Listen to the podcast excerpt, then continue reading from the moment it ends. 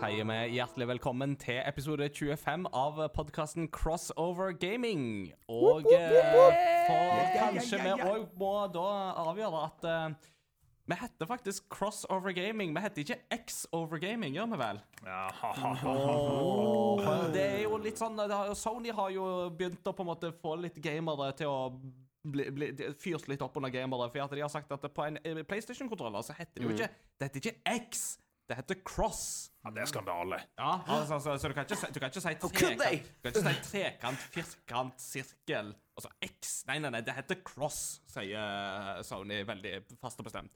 Så da må vi si at uh, siden vi tross alt har eh, cross i eh, vårt uh, podkastnavn, så må vi jo si at uh, Crossover Gaming støtter Sonys uttalelse om at det heter cross på en PlayStation. Kontroversielt.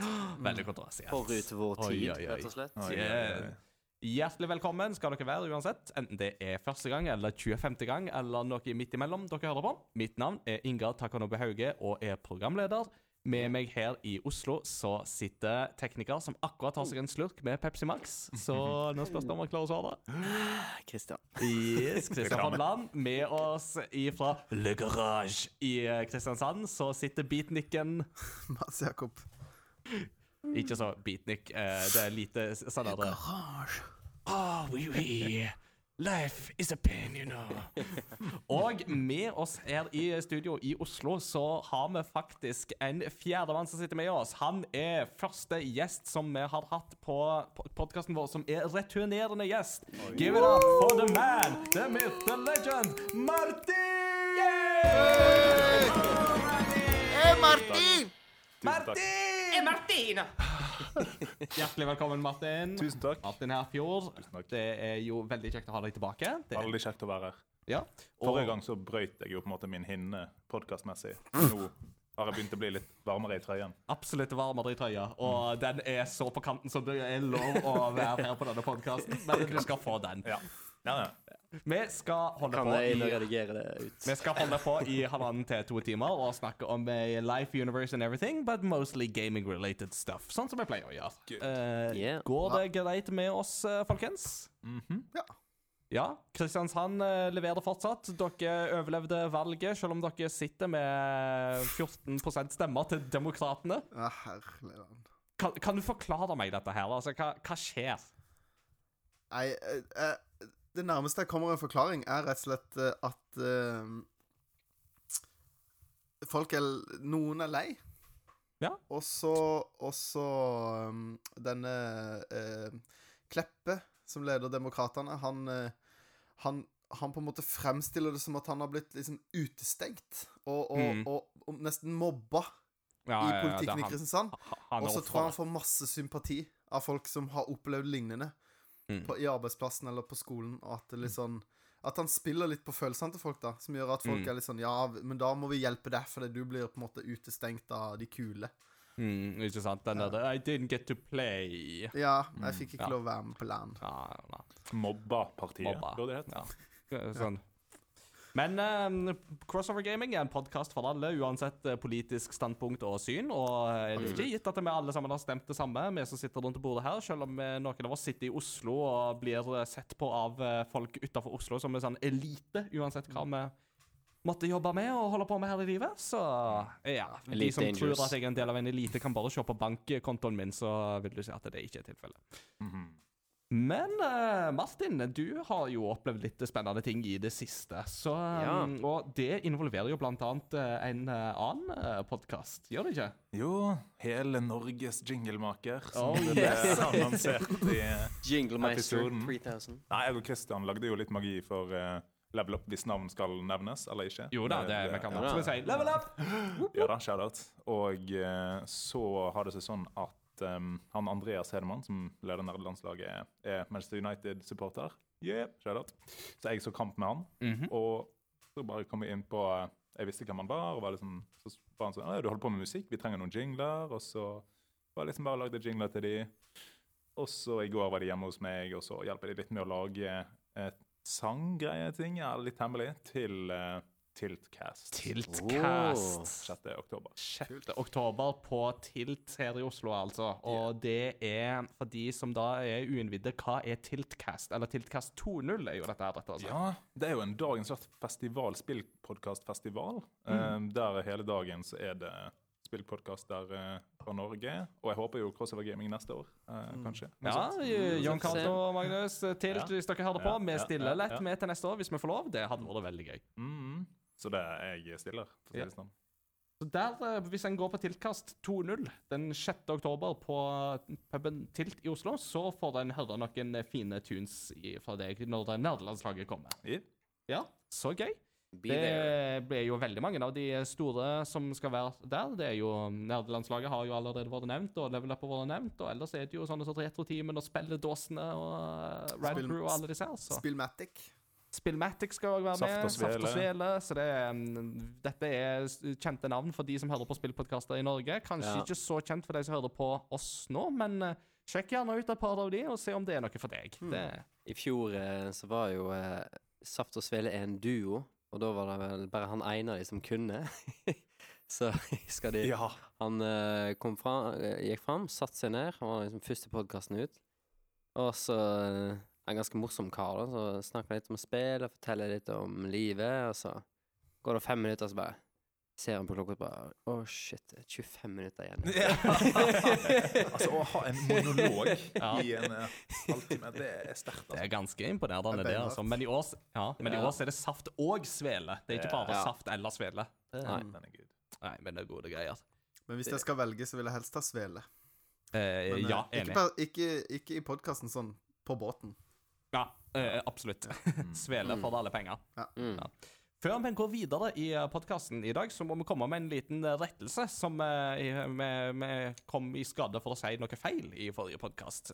som uh, vår faste lytter Kristoffer Andameren poengterte at uh, Commander Keen ble laga av id Software. Det ble Ja. ikke laga av Epic. Nei, det Og dette er jo barnekunnskap. Altså, Ja, det det, det, det kunne vi. Eh, men eh, litt sånn i kampens hete så er det av og til noen detaljer som detter ut, dessverre.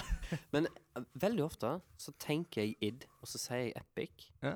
Men uh, jeg tror jeg liksom tenker på det som uh, to kompisselskaper fra gamle dager. På Det, det er fordi spillerne er så epic.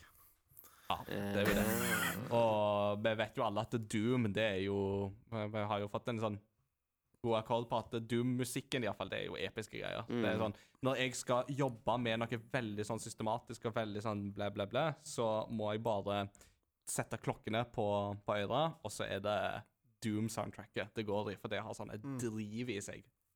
Mm. da, da, da jobber jeg godt. Mhm. Men det er Takk til Christer for at du påpekte det. Og hvis folk hører på og sier kommer liksom at Ei, det var ikke helt riktig, så må dere bare si ifra. Så skal vi prøve å få korrigert det til neste gang. mm. Christian er kul. Ah, nei, ikke helt riktig. jeg og Martin er gode kompiser, så jeg, jeg tror det. Ja. Det tror du. Ja. Skal vi gå i gang med, med podkasten?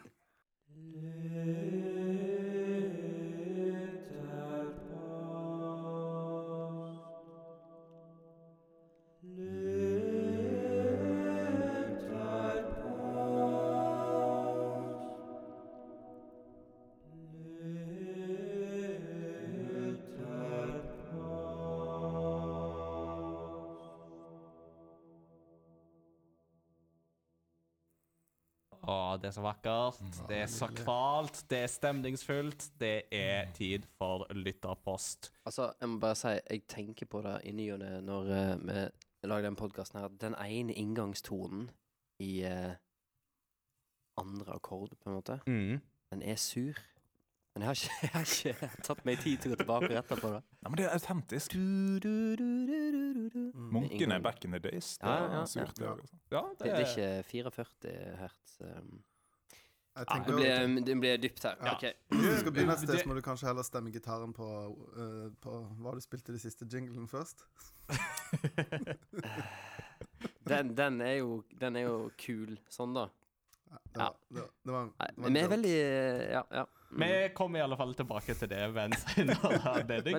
Men vi skal ha lytterposten, og i dagens lytterpost så har vi stilt et spørsmål som er litt relatert til dagens tema, som vi kommer til i del to. Men eh, kort og godt så har vi spurt lytterne våre del et MMO-minne med oss. For de som da trenger forklaringer, MMO er jo da Massive Multiplayer Online. Eh, jeg ser jo at trenden i eh, svarene som jeg har fått, er jo det at folk har gjerne svart på ting som er MMO-RPG-relaterte. Eh, men for sånne som meg, for eksempel, jeg har jo sjelden spilt MMO-RPG. Eh, så hvis jeg skal type si noe om hva som ville vært mitt uh, MMO-øyeblikk, så må jeg gå til spill som f.eks. Overwatch, som jo òg er et massive multiplayer online, bare i en litt annen, annen sjanger.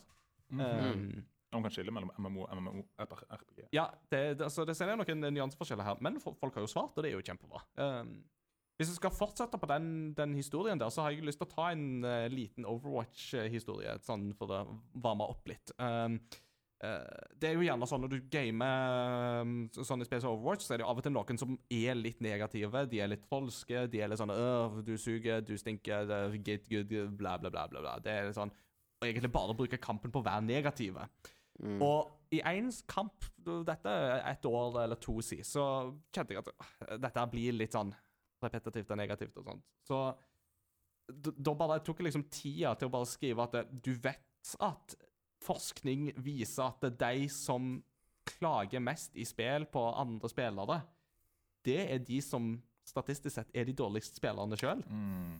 Og mest sannsynlig så er det en viss sjanse for at de sliter med litt ting i det reelle livet òg. Mm. Og det som, reaksjonen som skjedde da, var at det, resten av laget ble sånn «Jeg- er med i han, jeg er med han, han, han fyren her på det han sk- skriver der.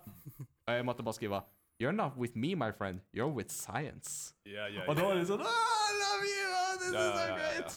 Og det som endte opp med å skje da, var at uh, han fyren som trolla, han stakk veldig fort. Og vi andre vi ble sittende igjen i en time eller to og hadde liksom et lag som fortsatte til neste kamp, neste kamp, neste kamp, og vi hadde en kjempebra opplevelse. Good. Så det er Bra. mitt MMO-minne som jeg vil trekke fram i dag. Gøy, gøy, gøy. Du er limet i gruppen, Inger. Mm. Ja. Det, Mm. Jo, takk, jeg prøver, men uh, det, jeg, jeg, pleier å se på meg sjøl som osten på pizzaen som uh, holder det hele sammen.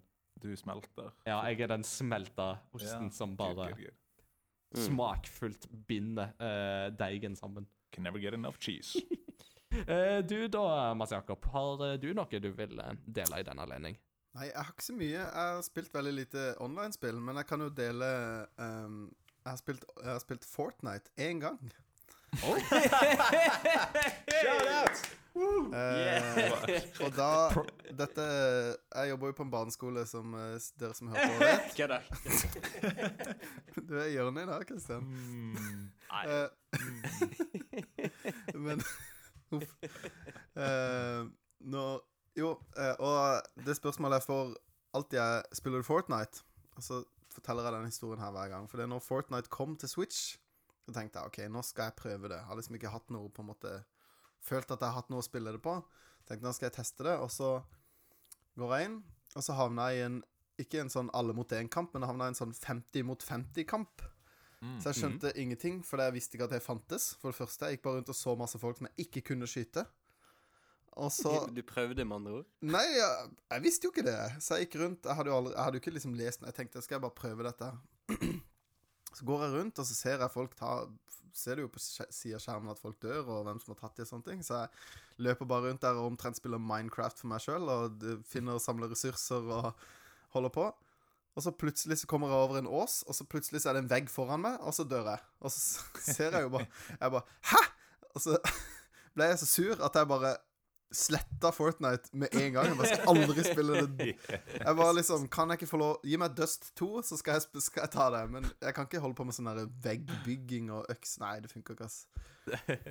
Høres ut som Apex er mer ting enn din, Mats Jakob. I'll give you a tour. Hvis, Ja, du, bare får deg en, hvis du bare får deg en gaming-PC, så skal jeg gi deg en uh, liten uh, om, omvisning i Apex. Det Mm, mm. Jeg må Ja, det er på Det det er Jeg har lyst på det, men uh, Ja. Det er ikke der, Mats Jakob. Det er spillet. Ja, ja, ja. Jeg, er dødsgod i Fortnite. Ja, ja. E-sportturneringer neste. Oh, Eh, yes. Kristian, Christian, hva med deg? Har du en MMO-historie du vil dele med oss? Mm, jeg satt og tenkte på det nå, og jeg var glad jeg ikke var førstemann, for jeg var litt blank i starten. Men uh, da MMO-et jeg har spilt uh, som jeg faktisk har spilt litt, grann, er det her eh, Star Wars The Old Republic. Mm. Uh, Jeg trodde du skulle si Warframe jeg nå, men eh, Ja, men eh, hvis jeg skal tenke litt sånn tilbake Jeg tror fortsatt antall timer som slår Star Wars The Old Republic eh, det meste. nice. Og jeg tror kanskje det minnet som er sterkest der, er den første karakteren jeg laga, som var en Sith Warrior. Mhm. Og er liksom i det du får Du kommer deg liksom opp i rang hos din mester, og så får du en lightsaber første gangen. Det er jo et episk moment. Så det er sånn, du Og siden du er Sith òg, så bare tar du opp lightsaberen, så hører du Koramatan.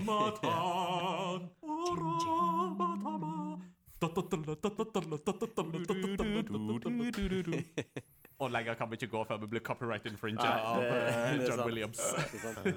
Det, kan jeg, apro, jeg bare ha en veldig apropos til den musikken? For det, Ja. jeg satt eh, Når jeg flytta til Oslo, så bodde jeg og fire kompiser i en sånn hybelblokk. Så vi hadde fire, fem identiske hybler. Mm. Og eh, både vifta, kjøkkenvifta og eh, komfyren hadde en sånn timer. Du måtte sette den på, sånn at du på en måte ikke kunne gå fra plata på. Ja. Og så sitter vi med en kompis og ser på TV, og så plutselig så innser vi at begge de to timerne spilte mot hverandre, og vi bare yes. Stars! Så alle, begge to var litt sånn, sånn anspente, og så bare Å ja, det er den. Det er smooth, da. It was the midichlorians. Oh, yeah. Midichlorians, midichlorians, sier jeg da. Det er, ja. Men eh, Ja, sorry. fun, fun, fact om uh, Duel of the Fates. Teksten der er jo på sanskrit uh, og betyr jo noe sånt som sånn wrath, blood, wrath, anger. Så det er liksom bare liksom Mm, det er pain si- Det, det er Sith-følelser som bare oser gjennom på sanskrit. av alle ting. Av alle ting. Så da Mm. vet du det. Mm. Eh, Martin, Ja. ditt, um, ditt MMO-minne. Ja, jeg har alltid hatt crappy nett og PC. Eh, før før eh, nå. Kongshaug musikkgymnas. Før eh, nå, egentlig. Så ikke veldig mye back in the days. Jeg har vært med på litt sånn LOL på desktop og eh, Heroes of the Storm. Heartstone er ikke akkurat MMO. Men um, også litt Destiny på PlayStation først, og Mm. World of Warcraft eh, litt og litt. Mye mer i det siste. Men uh, jeg har masse minner fra et MMO offline.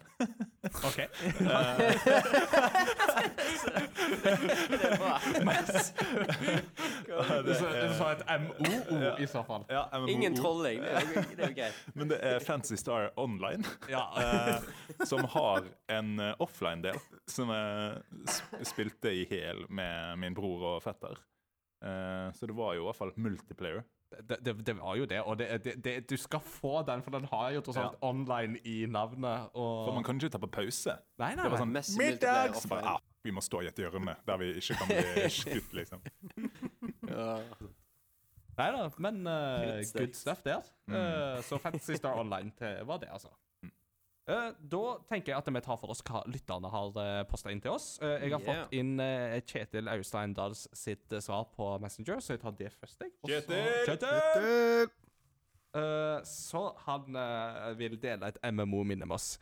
Det var vanskelig å trekke fram én ting, men det må være Det må i alle fall være fra Wow, både retail i 2004 og Classic i 2019. Det er så mange fine øyeblikk, og det er så fint community. Med folk som hjelper hverandre med quests og viser hverandre veien. Morsomme situasjoner som oppstår. Den vanvittige jubelen på Discord eller Ventrilo som det var for 15 år siden, når man slår en ny boss. Og alle gangene man utforsker en ny sone, en ny dungeon, et nytt kontinent sammen. Legger ved et skjermbilde fra et, flott, uh, wow, uh, fra et fint wow-øyeblikk som skjedde for ti minutter siden. Jeg og en hittil ukjent trollkvinne var på vei med båten fra Ratchet til Booty Bay. Vi står begge forrest i båten og ser på utsikten, og jeg spør Titanic Time? Se på chatloggen til venstre for å se hvordan det gikk videre. Og så er det da et bilde der chatloggen sier noe sånt som 'near far', og så blir det neste sånn 'wherever you are', og så står det med caps 'I'm the king of the world'! Ja, ja, ja. Gjerne annenhver chatboble, sikkert. Ja. Øh, så det var Kjetil sitt ja, Deilig. Nydelig. Jeg har noen WoW-minner med Kjetil òg. Shout-out. Han har hjulpet meg opp i Astroth. Det er nice. Cool. OK, hvem vil ta neste? Vil eh, du, Martin, eh, ta en? Ja. Hvis du har eh, oppe der? Jeg kan ta fra den kanskje mest solide og trofaste lytteren dere har. Eh, Har han en strake, eller? Han har det. Ja, han har aldri mist single lytterspalte. Legenden og myten Åsmund Solsvik. Yeah! Yes. Har spilt veldig litt MMO. Eneste jeg har prøvd, er Star Wars The Old Republic. Var det med deg, kanskje, Kristian? Ja, jeg tror um, Nei, vi spilte ikke en trial-greie sammen. Han hadde en periode han spilte det sjøl for ikke så lenge siden. Men ja, han eh, tror, han, tror han likte det. Han glemte å legge ved et minne, da. Ja, nei, men eh, det, Nei, jeg det, bare det er jo kødder. tydelig siden han nevner det, at det må være noen gode minner, da. Ja. Det tenker jeg. Det er hemmelig. Mm. My father has it. My mother has it. Yes. And scene. Eh, ja. Ehm, jeg kan ta en, jeg, av eh, Torstein Røsåk. Ja. Eh, MMO-er har vært en vanvittig stor del av barndommen min, så det er vanskelig å nevne bare ett minne. Jeg har jo tusenvis av timer i f.eks. Runescape og WoW World of Warcraft, altså, gjennom årene. Jeg, ble plutselig brått usikker. WoW? WoW? Wow? Hvordan, hvordan Plutselig så bare Hvordan uttaler du det? Wow! OK. morsomt. eh, Marker trodde du kødda. Nei, det er jo ikke det. Ok, Marker det her skal klippes ut. Jeg må si det beste minnet jeg har, er ikke så mye en spesifikk situasjon i et spesifikt spill, men mer Ja, Det har sorry. Jeg tror jeg tar på så over deg, Kristian. Kristian skal få lov å. Kristian skal få lov å løye fra seg der, men for at podkasten ikke skal vare i ti timer istedenfor to, så tror jeg at jeg overtar litt der. Så Yes. Jeg må si at det beste minnet jeg har, er ikke så mye en spesifikk situasjon i et spesielt spill, men mer det minnet av å jakte etter nye free to play MMO-spill rundt 2010-året, da MMO-er eksploderte i popularitet. Jeg husker jeg spilte Rose Online med min ekskjæreste. Jeg husker at jeg spilte Night Online med min bestevenn. Jeg husker mange andre ting jeg prøvde meg på også. Men jeg tror det F2P-spillet som jeg randomly fant, som jeg ble mest forelsket i, var et asiatisk MMO ved navn Hang Online. Et absolutt forferdelig spill i ettertid. Men jeg har så mange minner av å løpe rundt for å jakte på world events for å få spesielle orbs du kan oppgradere gear med, sette opp en vendorshop over natten og se at folk har kjøpt dine pebbles dagen etterpå. Gå inn i det skumle tempelet med high level monsters og få hjelp av mer erfare, erfarne spillere. Spørre pappa om han kan kjøpe game credits, så jeg kan kjøpe potions. Ja, det var pay to win, som en ekte asiatisk MM. Spill må ikke nødvendigvis være bra for å gi deg flotte minner. Det er helt sant. Det Ja, kan det komme sant. mange gode minner ut av dårlige eh, spill. Spesielt back in the days når vi fikk ett spill i året av ja, ja. eh, parents. Ikke sant? Da, da, da Ja. trykker du det til ditt bryst. Jeg, stod, jeg trodde det sto Thong online, men uh, Thang? Wow. Det var ikke så langt Nå ifra. ler jeg av alt. Al- Det her er en sløv episode. Hvis dette er din første episode, jeg beklager på vegne Altså, det her høres ut som sånn behind the scenes. Ja, ja, ja. Dette, Vi må ha noen, ha noen sånne, da. Ja, Dere skal få dask på lanken eh, når vi er ferdige med episoden. Ja, ja. Uh, OK, kan jeg få lov å prøve en gang til? Ja, du kan få lov å prøve en gang til, men din, eh, nå må du ta neste. Ja, ja. Eh, Mats Hauge spilte et MMO ved navn Fluff mange år tilbake. Uh, I spillet var det en Sorry. I spillet var det en class ringmaster som fokuserte på å bøffe og heale andre spillere. Lillebror hadde denne, men når han var vekke, tok jeg en ekstra laptop og brukte hans karakter til å spam-heale min karakter. Løsningen ble at jeg satte opp en saks opp langs skjermen på laptopen, slik at vek vekten til saksen holdt inne F11-knappen og spam-healet. Kreativiteten var stor på den tiden. Ja da. Den er Tidlig ingeniør Uh, ja. Nice. Det, det, det er sånn MacGyver-løsning vi kan like, altså. Ja, men du klarte det, Christian. Du jeg er jo, har røpt at jeg, jeg er jo ikke en true gamer. Jeg, jeg er jo bare faker. Jeg Mm. skjønte ikke hva wow var for noe. Ja, sorry. Fluff. Konge. Ja, jeg liker så godt det der navnet Fluff. ja. Flyf. Har du, uh, Mats Jakob, lyst til å ta en? Ja. Den er fra Espen Tveit. Den er ikke tatt, den ennå. Har Nei, den er ikke tatt. Den er ikke tatt ennå. Min erfaring med MMO er stort sett fra Lord of the Rings Online. Shadows of Ang... Er det Angmar eller Ag Angmar? Angmar. Angmar, ja, jeg visste Det- det Visste du var riktig person å spørre, Ingar. Mm. Ingar. Um, Riktignok så spilte jeg det ikke som et MMO, heller mer som, som en singleplayer-opplevelse, hvor det tilfeldigvis var en haug med andre spillere rundt meg. Men det var likevel en fin opplevelse, og jeg elsket å reise gjennom Tolkiens verden med The Shire som et absolutt høydepunkt. Kanskje jeg snart burde ta en tur tilbake til Middle Earth snart. Ja, det yeah. synes jeg høres kjempebra ut. Mm. Uh, grunnen til jo at jeg vet godt om det liksom Angmar eller, Angmar, eller hva det nå er, er jo fordi at Angmar er jo mitt go to-nick Mm. i, Stemmer. i alt. Så Så når jeg spiller jeg liksom Switch, min- så står det Angmar is online. yes, Mm. I am indeed. Eh, da blir eh, Martin kan få lov å ta neste, tenker jeg, siden jeg leste to litt sånn på rappen. Så. Mm. Ja. Kan ta fra Anders Lønning. Mhm. Yeah. Hva har han fått lønning i dag, kanskje? Oi, oi, oi, den har han ikke hørt før. Nei, aldri. Jeg ble aldri bitt av World of Warcraft-basillen, men det MMO-spillet som virkelig klarte å sette klørne sine i meg, var The Lord of the Rings Online Shadows of Ingvar Angmar. Det å få queste rundt i Tolkiens legendarium sammen med venner og kjente, følge i fotsporene til fellesskapet gjennom gamleskogen, besøke haugvettene, blestige blå, blåsertoppen, og ikke å glemme gruvebyen Moria i spillets første utvidelse, jeg minner jeg kommer til å bære med meg så lenge jeg lever. Spillet lever i beste velgående ennå. Gjør det det? Wow. Selv om det har tatt spranget over til en ganske rettferdig free to play-modell. Men det skremmer meg litt at det nå henger i en skygge av tvil over spillets fremtid, nå som Amazon angivelig jobber med å utvikle sin egen MMO, som skal lanseres ved siden av TV-serien de jobber med. Dum, dum, dum. If it ain't broke, don't fix it. Lotro er å bli min go to MMO. Hmm. Her, her må jeg bare poengtere en ting, og det at Anders Lønning her vet, er, vet, kan sin Tolkien. For han bruker Mm. ordet legendarium Mm. for å beskrive Tolkiens verden. Ja. Det er jo det ordet som Tolkien sjøl brukte om altså, Mm. sitt legendarium. Legendarium. Så, så um, Anders, som en som har um, fra, fra min side her, som en som har skrevet masteravhandlingen sin om C.S. Lewis og Tolkien, I, I, I, I sense a brother in you. Mm. Det, er jo, eh, det har jo skjedd før, det som Anders eh, snakker om her, og han er litt sånn redd for med Amazon sin Lord of the Rings-tolkning. Eh, for det at det her er Star Wars Galaxies. Ja. Det måtte jo legge ned når Star Wars The Old Republic skulle komme ut. Mm. Sånn som jeg har skjønt, så er det ganske mange som savner Star Wars Galaxies, Ja. eh, sånn som det var tidlig, i hvert fall. Generelt gode Star Wars-spill. Ja, Ja. det er jo et håp eh, i november, da.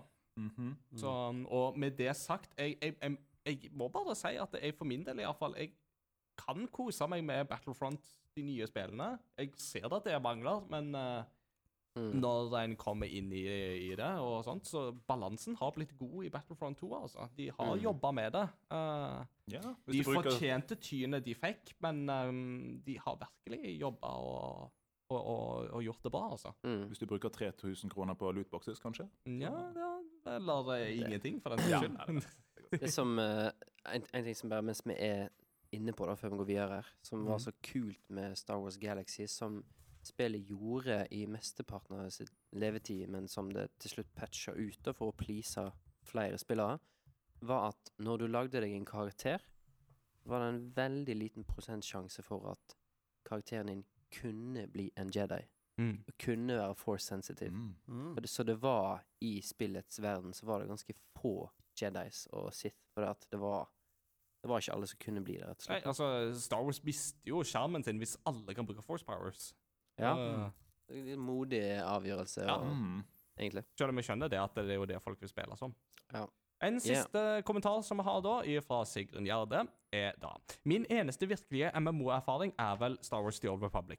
Det var og er en Yeah. MMO som har hatt mye potensial, i alle fall for de som er Star Wars-fans, for ikke å nevne Nights of the Old Republic-fans. Og for de som alltid hadde hatt lyst til å være en ondskapsfull og maktsyk Sith Lord. Dessverre er nok et av øyeblikkene jeg husker best fra spillet, når jeg prøvde meg på PVP-en i spillet. For da møtte jeg virkelig det som har vært spillets største problem, nemlig spillmotoren som ble brukt. Bioware baserte seg på en uferdig versjon av Hero Engine, som de i ettertid viste seg at hadde store utfordringer med spesielt PVP.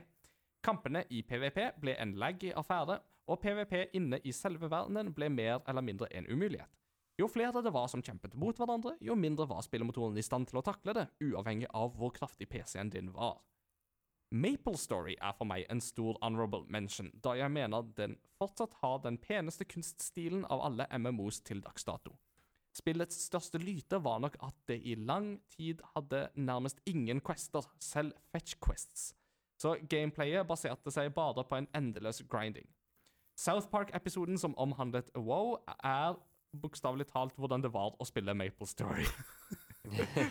og for de som ikke har sett den South Park-episoden, det er jo der uh, gutta i South Park går ut i skauen og dreper villsvin for å levele opp, og villsvin gir deg to XP hver. Så Ja. de må jo sitte i mangfoldige veker og bare sitte i stolen, og det er jo da de bare blir smellfeite og veldig uhygieniske. Litt satire. Litt satire. Den episoden er fortsatt veldig, veldig bra. Det er jo en episode som nesten i sin helhet er laga i wow. Ja, ja, ja. Så den er veldig artig. Kult at du har nerda litt på spillmotorer, Sigrun. Mhm. Det er gøy. Ja. Da øh, tror jeg at øh, Nå har vi alle fortalt våre historier, ikke sant? Yep. Mm. Og vi har tatt alle kommentarene. Jeg kan godt ta min en gang til. Nei, det Nei, tror jeg nei, vi klarer oss ja. veldig fint. All right. Kan du si Vov en gang til? Wow. Wow. Wow. Så Vuv. Men kan, kan jeg bra at jeg skal intervjue deg i del to. Ikke sant. Martin. Ikke sant. bare, men bare en liten tanke. At Jeg skulle bare tro at spill gjør TV-serier mer populære og aktuelle. Så hvorfor vil de stenge ned online-spill da? Det er vel det at de ønsker å lage noe som er mer moderne. Okay. Ok. Men det kan jo òg være en grunn Altså, en, en tanke her er jo det at um, Lord of the Rings-TV-serien som Amazon jobber med, angivelig, eh, vil jo sannsynligvis finne sted utenom uh, filmene som allerede har. Eh, enten da mellom filmene, eller eventuelt før til og med Hobbiten. Mellom. Mellom. Mm. Så vi får se det, om den serien eh, blir uh, Journey to the West, eller om uh, vi må bare stå og si You shall not pass!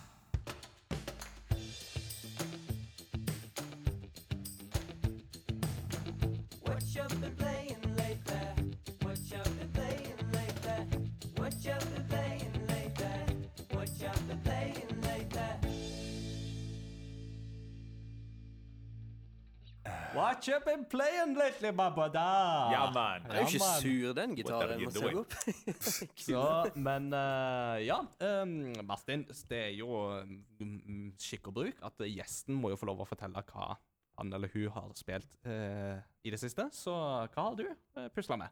Bortsett fra den ene tingen som du skal snakke om i del to. Ja, det blir jo mer uh, WoW uh, seinere. Mm. jeg, har- jeg har eh, stått i kø, jeg. uh, Ja. I yes. tre uker. Ja. Så uh, Nei da, jeg har fått spilt. Men mer om det seinere. Det har Mhm. blitt WoW. eh, Stort sett WoW, altså. Mm. Eh, jeg har prøvd litt um, Horizon Zero Dawn. Oh, Fordi eh, det har jeg aldri spilt før. Og så var det på tilbud til 150 eller et eller annet sånt. Spillhull der. Spillhullet mitt eh, må fylles. Altså, i sommer så jobber jeg mye. Mm. Så jeg har kjøpt Switch, eh, eh, PlayStation Pro, eh, 65-tommers eh, HDR-TV Ja. eh, og gaming-PC. Så da, da, da, Oh yeah. da, da må vi jo bare si på ekte japansk vis? Men eh, altså, nå må jeg spørre, for jeg kjøpte meg jo 65-tommer TV HDR sjøl rett før påske, så da lurer jeg på hvilken modell er det du har kjøpt? Ja, det er en eh, Det er en uh, sein eh, 18-modell. Eh, jeg kan komme tilbake med spesifikasjonene. Men Ja. det er en eh, sånn LG. Ja, for det er, da har vi kanskje kjøpt samme, da. For Ja. Vi òg har en LG som er veldig, veldig god. Mm. Ja. Så, ja. Eh, men ja, Horizon eh, har du da fått uh, testa litt? Ja, bare sånn to timer, men det er fantastisk Mm. eh, grafikk. Og Mhm. eh, det vil jeg gjerne spille mer. Så kommer jo Borderlands, og så er det WoW, og så er det så mye bra for tiden nå. Ja. Jeg har ikke fått begynt på um, Altså på Switch, det her er Fire Emblem, liksom. Så eh, det, det er for mye. Vi, vi, har, vi lever i gode tider. Ja. ja, det er too much. Goodness. These are good times. Det, dette er de syv eh, fete år, så nå trenger vi egentlig syv magre år Yes. eh, som kan Mm. følge etter. og som, Der vi kan leve litt på lageret vi har bygd oss opp i Yes. siloene her. Og Mm. Chain. Og, ja. Ja. Det, er liksom, det spillet jeg har spilt mest på Switch, er Final Fantasy 12 remake. Ja, det, Så- ja, ja. Nostalgia Times. det er jo et som jeg ikke har drukket opp gjennom på. Så. Mm. Eh, du, da, du da, Mats Jakob. Hva, hva med deg? Um, jo, jeg, jeg, det spillet jeg har spilt mest, uh, som jeg skal snakke det, vil jeg, det jeg vil snakke mest om, det skal jeg spare litt. Men uh, her forleden da så uh, ommøblerte jeg litt på i Batcaven. Rigga meg opp en liten Super Nintendo-stasjon med min bitte lille Ninja Turtles-TV. Så da hadde jeg en session med Super Nintendo. Nice. Eh, og um, en ting som dere sikkert har vært borti før, for det var, jeg vil egentlig ta det, ta det litt opp. For det jeg plukka opp igjen Final Fantasy 6, eller 3, alt etter sånn. Ja Og det er ufattelig vanskelig å hoppe inn i et eh, RPG. Bare sånn Å ja, dette spilte jeg for et halvt år siden, og så bare ante ikke hvor jeg skulle gå. Endte opp i et område Mm. som var altfor vanskelig. Sånn, eh, og så begynne med å- leite lete opp en walkthrough og bruke den for å finne ut av hvor du er i spillet. Det er så utrolig krevende å komme i gang. Og så er når jeg Mm. plukker det opp igjen, og den musikken og gameplayet det er bare så bra. Ja. Du vet det fins et, meme- du vet det finnes et meme om akkurat det der, uh, med at du liksom kommer tilbake igjen til et rollespill som du eh, ikke har spilt på om seks måneder, eller noe sånt. Mm. Og det er når Gandalf står i Moria og har den der veipassasjen. I have no memory of this place. Men det er litt sånn uh, Ja. Men uh, Men det Ja, fantastisk spill. Og så spilte jeg i Så er det jo det så lenge siden jeg har spilt at jeg hadde glemt at når du dør, så begynner du jo der Det er jo ikke noe på en måte Det- Checkpoint. Nei. Så jeg satt og spilte i to og en halv time. Klarte å liksom brukt opp eh, alle de 60 potionsene jeg hadde, eller et eller annet sånt, og så døde jeg, og så bare ah, Kødder du? Men du får beholde levelene dine. Men du går tilbake til der du var, på en måte. Hmm. Til der du ja. begynte saven din. Så jeg hadde jo levela. Sånn at det på en måte Sånn Ja, sett hjelper det deg jo, men Det, det, det gjør det jo. men, eh, men allikevel er det utrolig frustrerende. For jeg føler jo jeg har kasta bort tre timer, liksom, på Men jeg, jeg ser for meg eh, akkurat det Final Fantasy er vanskelig å hoppe inn i, for at han er Munch-karakteren.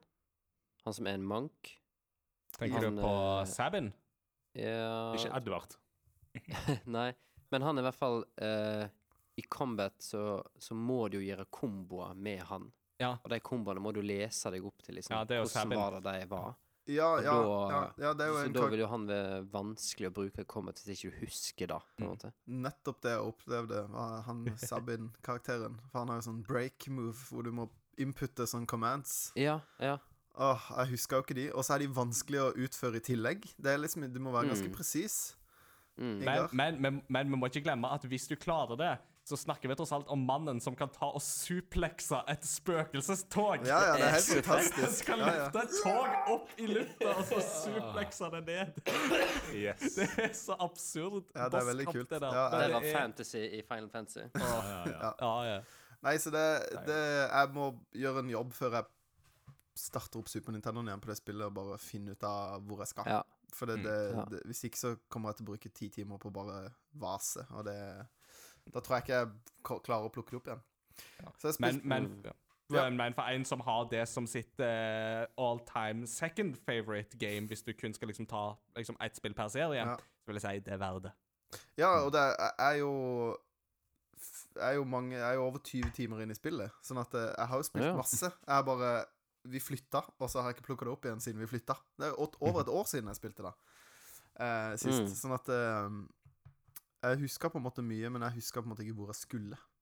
Eh, men jeg spilte det, og så har jeg spilt uh, endelig fått spilt et krill sp- Krill? Sp- Spill som, som uh, Christian har som et barndomsspill, som jeg allerede testa før. Jeg har spilt supertennis.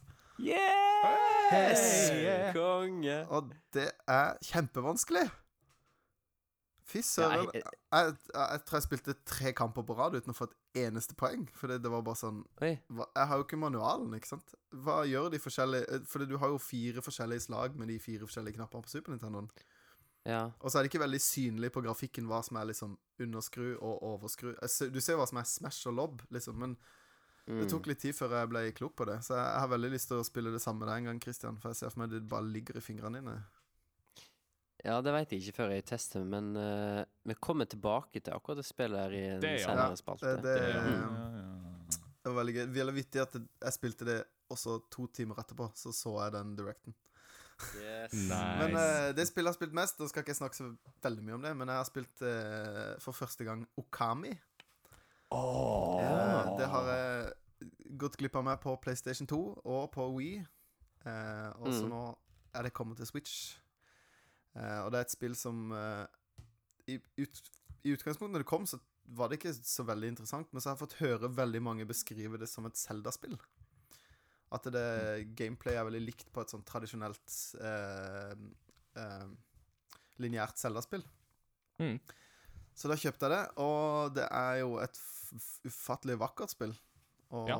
spesielt hvis du tenker på det som at når det kom, så var på en måte cell-shading en veldig ny ting. Og det her er jo en veldig sånn grov cell-shading, på en måte. Det er jo Alt skal se ut som det er malt med pensel.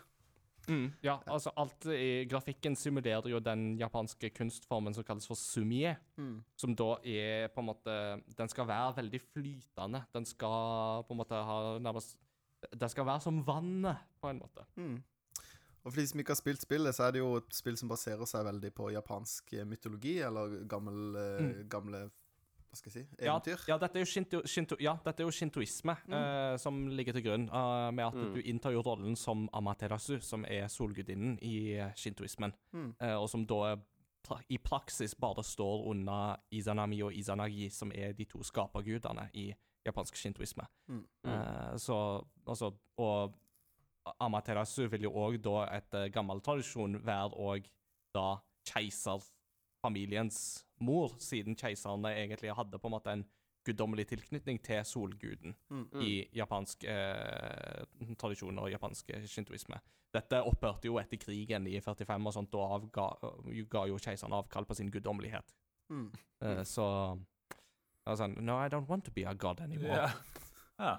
Retirement. Because General MacArthur said so, that's why. Ja. Trakk seg unna sånn til en eh, stillehavsøy og Ja, nei, nei, hva sa nei altså um, Han spurte om det var litt som Windwaker. Jeg ville sagt at det er mer som Twilight Princess, siden du spiller som en ulv. Men, Men, er eh, grafikken bare? Uh, ja, grafikken vil være litt mer sånn i Wind Waker til en viss grad. Så, altså, Cell-shading-teknologien som ligger til grunn, er lik, ja. Men den uh, Mm.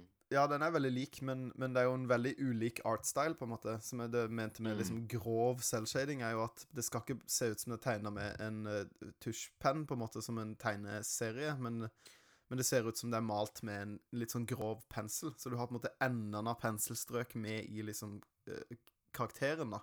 I omrisset av karakteren. Så det er veldig Mm. Veldig stilig. Og hoved... Uh, hva skal jeg si eh, game, Eller hovedgameplay er jo type action-gameplay, men uh, uh, du har også en hvor du kan pause i combat, og så kan du bruker du en pensel til å eh, male inn uh, angrep. Som kan være så enkelt som å bare tegne en strek over fienden, og så tar han et sånt slicing move, eller du bruker han jo egentlig til alt, da. Til å gjenopplive natur og så videre. Eh, men det Jeg syns det er kjempegøy. Um, det eneste som irriterer meg Altså, det ser pent ut, og gameplay er kjempefint. Det eneste som irriterer meg, er at for å komme til menyen hvor du stiller på kontroll, så må du uh, uh, avslutte spillet. Fordi du kommer ikke til menyen fra spillet. Og når det er sånn Når du har 3D-kontroll, og det er det ikke er sånn som jeg vil at det skal være når jeg styrer kamera, og så må jeg lukke spillet og åpne det igjen for å finne ut om var det sånn jeg ville ha det? Nei. Så må jeg save og lukke spillet. det er litt sånn Det var litt tungvint. Mm. Eh, og for å få tilgang til liksom om jeg vil ha med stemmer, for eksempel. Det er veldig sånn Litt, litt sånn irriterende Det er jo ikke stemmeskuespill engang. Det er bare sånn her Hele veien. Og det er ganske høyt. Ja, og Okami er jo også kjent for å ha med en av uh, spillhistoriens mest irriterende sidekicks, Ja. sin Navi, fordi at du har det lille Issun, uh, som jo da baserer seg på den japanske uh, folkelegenden Isunboshi, om en sånn en japansk versjon av Tommeliten, om du vil. Ja. Han er en liten kriger på størrelse med liksom en finger. Uh, han er, I spillet så er han en grønn liten dott som liksom skal fortelle deg hva han skal gjøre, og han prater mer enn det jeg gjør nå. Basically. Han er sånn Ja, det er skravling. og. Og tar seg, tar seg selv veldig Er veldig selvhøytidelig. Ja, ja, ja, det er sånn, Du får ikke lov å påpeke at han er liten, for eksempel. Ikke sant? Det, Skal han få en bug, så klikker han. Eh, men har du spilt det, Ingar? ja, jeg spilte Okami på Wii. Um, Også på Wii-versjonen har jeg spilt back in the day, og elsker det spillet, altså. Det, jeg har òg spilt Okami Den, som er oppfølgeren som kom til DS. Ja. Det er ikke like bra, men eh, det hadde sin sjarm, det òg, altså. For Ja. da spiller du jo som eh, eh, sønnen til Amaterasu. Eh, så da spiller du som en liten ulvevalp Ja. i stedet. Kult. Um, og det som jo kan òg være verd verd verd å nevne her, er jo det at navnet på spillet, Okami, er jo et pønn. Mm. Um, fordi det japanske ordet okami betyr jo først og fremst ulv. Men sånn som de har skrevet det med de kinesiske tegnene som ligger til grunn for navnet, okami, så betyr det òg great god, eller altså en stor guddom. Eh, og her er det jo, og siden du da spiller som en av de største guddommene i shintoismen, og er en ulv, så er det da et ordspill der på ordet okami. Kult. Men det, det fins flere spill enn bare det D-spillet. Det er vel Okami 2 og 3? Nei, og, nei, det? er de to spillene. Det er okami og okami den på, på DS. Og så har det bare blitt på, og så, Nei, nei, og så er det bare det første spillet, Okami, som har blitt gjenutgitt i en HD-versjon og litt uh, diverse. Men Ja. det er det samme spillet hele tida. Ok. Men jeg har hørt Ja, at at, de som eh, Sorry. Uh, Nei, jeg skulle bare si Jeg har hørt at Wii-versjonen er veldig bra, og at eh, det er et spill som passer veldig bra med på en måte motion-kontrollen. da At du kan på en måte Mm. Den tegninga du gjør, at du faktisk gjør det med motion-kontrollen. Og det har du muligheten til på Switcher. Men når Mm. jeg ikke må, så velger jeg aldri motion control. på en måte. Nei, nei, det er klart. Men Eh, eh, sånn det, det eh, funka veldig bra på, på Wii, ja. Det Ja. gjorde det. Så Og så liker Eh, jeg bedre å holde Wii-kontrollene sånn som en motion control enn å holde to joycons, for de er så små. Mm, Wii-kontroll var veldig sånn naturlig å peke med. da mm. Mm. Ikke sant? Mm. Det ble jo utvikla av Clover Studios i sin tid, som jo blant annet hadde navn som Shinji Mikami og han Kamiya, Hideki Kamiya var jo involvert i dette. Dette er jo folk som er kjent for spill som Bayonetta, Resident Evil, Devil May Cry uh, og Astral Chain, som jo er ute nå. Mm. Uh, og en Mm. del av de som jo var en del av Clover Studio, gikk jo senere over til Platinum Games, og noen gikk til Tango Gameworks. Ja. Så Ja. det er jo store navn som var involvert i Okami. Det var det jo. Men Clover Studios ble jo lagt ned i et, uh, 2006 eller 2007 etter God Hand var vel det siste de lagde, tror jeg. Og det ble ikke en veldig kommersiell suksess. Så. Nei. OK. Yeah. Eh, Christian, hva har du eh, spilt? Ja, ehm, jeg har eh, hatt en veldig fin dag eh, på tirsdag denne uka her. Vi pleier å spille inn podkast annenhver torsdag. Ja. og Det er nå to dager siden. Eh, det er nok mange som, eh, som akkurat den uka her ser liksom mest fram til fredagen. Mm. Når det, tanke, når det kommer til s- nye spill-releases. Mm. Og da kommer jo, som du Martin nevnte, Borderlands 3. Mm. Men eh, de av dere som, har, som følger oss på Facebook, har kanskje sett at eh, At jeg eh, plutselig eh, la ut en post eh, om et spill som har, hadde vært på E3, men som ikke hadde fått så veldig mye oppmerksomhet. Men plutselig så kom det en trailer som jeg fikk opp på sånn, en sånn recommended-greie på YouTube. Og det spillet heter Greedfall. ja. Så sjekka jeg ut traileren, så bare wow! Nå fikk jeg litt sånn Witcher-vibber her. Eller jeg fikk litt sånn eh, vibber av at eh, Europa, et europeisk studio, eh, lager et fantasy-RPG-spill. Og da eh, Grunnen til at jeg fikk den følelsen, er at eh, du merker at estetikken var veldig ny, da. Veldig Mm. annerledes. Eh, og så kom liksom videre i traileren. Å, shit, det her er kul combat og kule cutscenes og Og OK, kanskje litt janky ansiktsanimasjoner, men, eh, men tydeligvis er det her et ganske lite studio, så det, det går helt fint så lenge resten av spillet er kult. Og så kommer du 10. september. OK. Fett. Stilig, stilig. Så eh, 10. september, tirsdag. Kjøpte det, lasta det ned. Ehm, Foreløpig har ikke så mange timer i det, men det er, virker veldig veldig lovende. Men det er nok et klassisk sånn spill som Som The Witcher 3 òg egentlig var for meg, at jeg måtte noen timer inn i det før det virkelig liksom grep tak i meg, og da slapp det aldri, da. Mm. Så eh, Og jeg er nok ikke kommet helt til det punktet ennå, men jeg merker liksom at her er det Bygger de eh, på en Bygger opp en ganske kul original law. Mm. Ehm, tydeligvis, da, i den starterbyen som du er i, så er det en, en ukjent sykdom som eh, Jeg husker ikke navnet på den akkurat nå, men som gjør at det nesten ser ut som det vokser slags eh, røtter i ansiktet på folk. da. Oh. Og så blir de etter hvert blinde, og så liksom dør de. Så det er en ganske sånn veldig sær og dødelig sykdom. og ditt ehm, En av eh, liksom, motivasjonene til din karakter er å finne en kur til den sykdommen her. Og da eh, eh, border du eh, sammen med en del andre karakterer et skip som skal over til en ny øy som din sivilisasjon nettopp har oppdaga. Mm. Og den hovedbyen din den heter Serene, og så skal du over til den øya som de har valgt å kalle for New Serene. Og din personlige motivasjon er at du skal over der og så prøve liksom, å finne en kur, da. Og så langt jeg har spilt, så har du nettopp kommet over til øya, så merker du at OK, her Her er det en eh, Her fins det andre skapninger. Det er en helt annen verden. Og eh, spillet på en måte starter litt ordentlig der, for da skal du prøve å sivilisere liksom den øya her, da. Uh, estetikken veldig, veldig kul. Det er litt sånn pirataktig estetikk. Så istedenfor å gå med en uh, full-on rustning med hjelm, så har du en sånn pirat, sånn kaptein-hatt. Hey. Da. Så det, ja, det er ganske stilig. Og uh, foreløpig er craftingen veldig, veldig kul. Det er masse du kan modifisere på rustningene dine, og du ser De ser annerledes ut hvis du bytter den og den Nice. skulderpisen, liksom. Ja, det er veldig, veldig stilig. Men et spørsmål her. Når du da seiler til den nye øya, de liksom Mm. Ja. Må du stikke et flagg og så bare sånn I claim this island for Serene.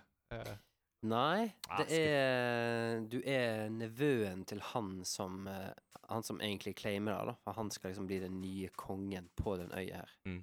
Og så er du på en måte bare Du er liksom below him, da. Mm. Men uh.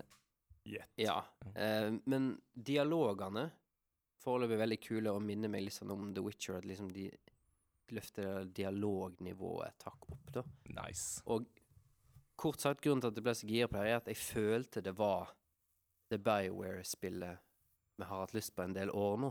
At det kunne bli det, da. Big words. Ja, Big men eh, words. jeg tipper jeg kommer jevnlig tilbake til det spillet senere i de kommende episodene. jeg er veldig gira på å høre hva du syns. Men jeg har bestemt meg å ikke spille det spillet her videre akkurat nå. OK? Da det kom ett spill til på tirsdag, eh, som eh, det er sikkert ingen andre i den podkasten her, eller som hører på podkasten, som, er- som er gira på det spillet her. Men jeg har vokst litt opp med den serien delvis fra ungdomsskolen. Det er en testosteribom, testosteronbombe uten like, og det er ikke den dypeste storyen, men det er kul combat, og eh, jeg liker verden. Er det Gears 5? Yes! Nice! My tomatoes! Og det spillet Nå har jeg da runda Gears 4 og kommet ganske langt i Ori and the Blind Forest, men vi har ikke tid til å snakke om det òg. Og eh, fått gama litt ehm, eh, Fått gama litt eh, Åh! Of til Rare. Thieves. Sea of Thieves. Mm. Og Forza Motorsport. Uh, Forza Horizon, mener jeg. Og nå Gears 5 for den derre frikkings 40 kroner i måneden-greia til eh, Microsoft. Ja, det er ganske bra. Det er ganske bra. Ja, og da fikk jeg Gears eh, 5 gratis på tirsdag. Mm, til, Gratis. I, I det Xbox Game Pass, da, vel å merke. Ja, nå Så- gjorde jeg anførselstegn med fingrene. Ja, veldig bra radio. Ja. um, og Gears 5, det er jo eh, Hvis du har en PC som takler å kjøre det på ultra, så er det et Det er på en måte Ganske lenge Personlig da, så har jeg kanskje syntes at God of War har vært det fineste sånn, sånn teknisk spillet et års tid nå. Eh, det begynner vel å nærme seg et, et år. Ja, det er halvannet år siden det ble sluppet. Halvannet år, ja. Inkludert Red Dead òg. Ja, det føler jeg har en litt sånn annen look. Det går for noe annet der, da. Men uh, Men uh, eh, Gears 5 Fytti grisen, altså. Og så i tillegg så er det liksom 60 frames. Mm. Det ser så vanvittig fint ut. Og eh, Nei, jeg, eh, jeg er jo glad i den serien, så jeg bare jeg storkoser meg. Og grunnen til at jeg spiller da først nå, er, er fordi at eh, det er en kortere opplevelse. Mm. Det tar meg mindre eh, spillkvelder å bli ferdig med en storyen, og så når den storyen er ferdig, så er jeg happy og fornøyd. Kommer ikke til å spille noen særlig multiplayer. Så går jeg inn i Greedfall. Ja. For reals. Ja. Mhm. Høres ut som en god plan. Så Borderlands 3 tenker jeg å på. Blir litt sånn her eh, Når skal en få tid til det? Blir det PlayStation eller PC? Oh. Ja, jeg òg er litt der. Kan du bare ta kjapt det her uh, Witcher-spillet? Hva heter det? Greedfall. Greedfall. Greedfall. Og hvilket studio? Hvor er de fra? De heter Spider Studios, og de har vel hatt litt sånn hit and miss-spill tidligere. Jeg tror de er franske. Hmm. Hvis jeg ikke tar helt feil. Um, ja. Spennende. Og det er vel ute på PC, Xbox One og PlayStation 4. Ja. Yeah. Kult. Da er det vel bare meg igjen. Ehm, jeg har ikke spilt sånn veldig mange titler, men det jeg har spilt, har jeg fått eh, spilt veldig masse òg. jeg har Jeg Nå må jeg bare tenke. Eh, nei, jeg har ikke anmeldt, men jeg har ehm, spilt Astral Chain, bare for gøy.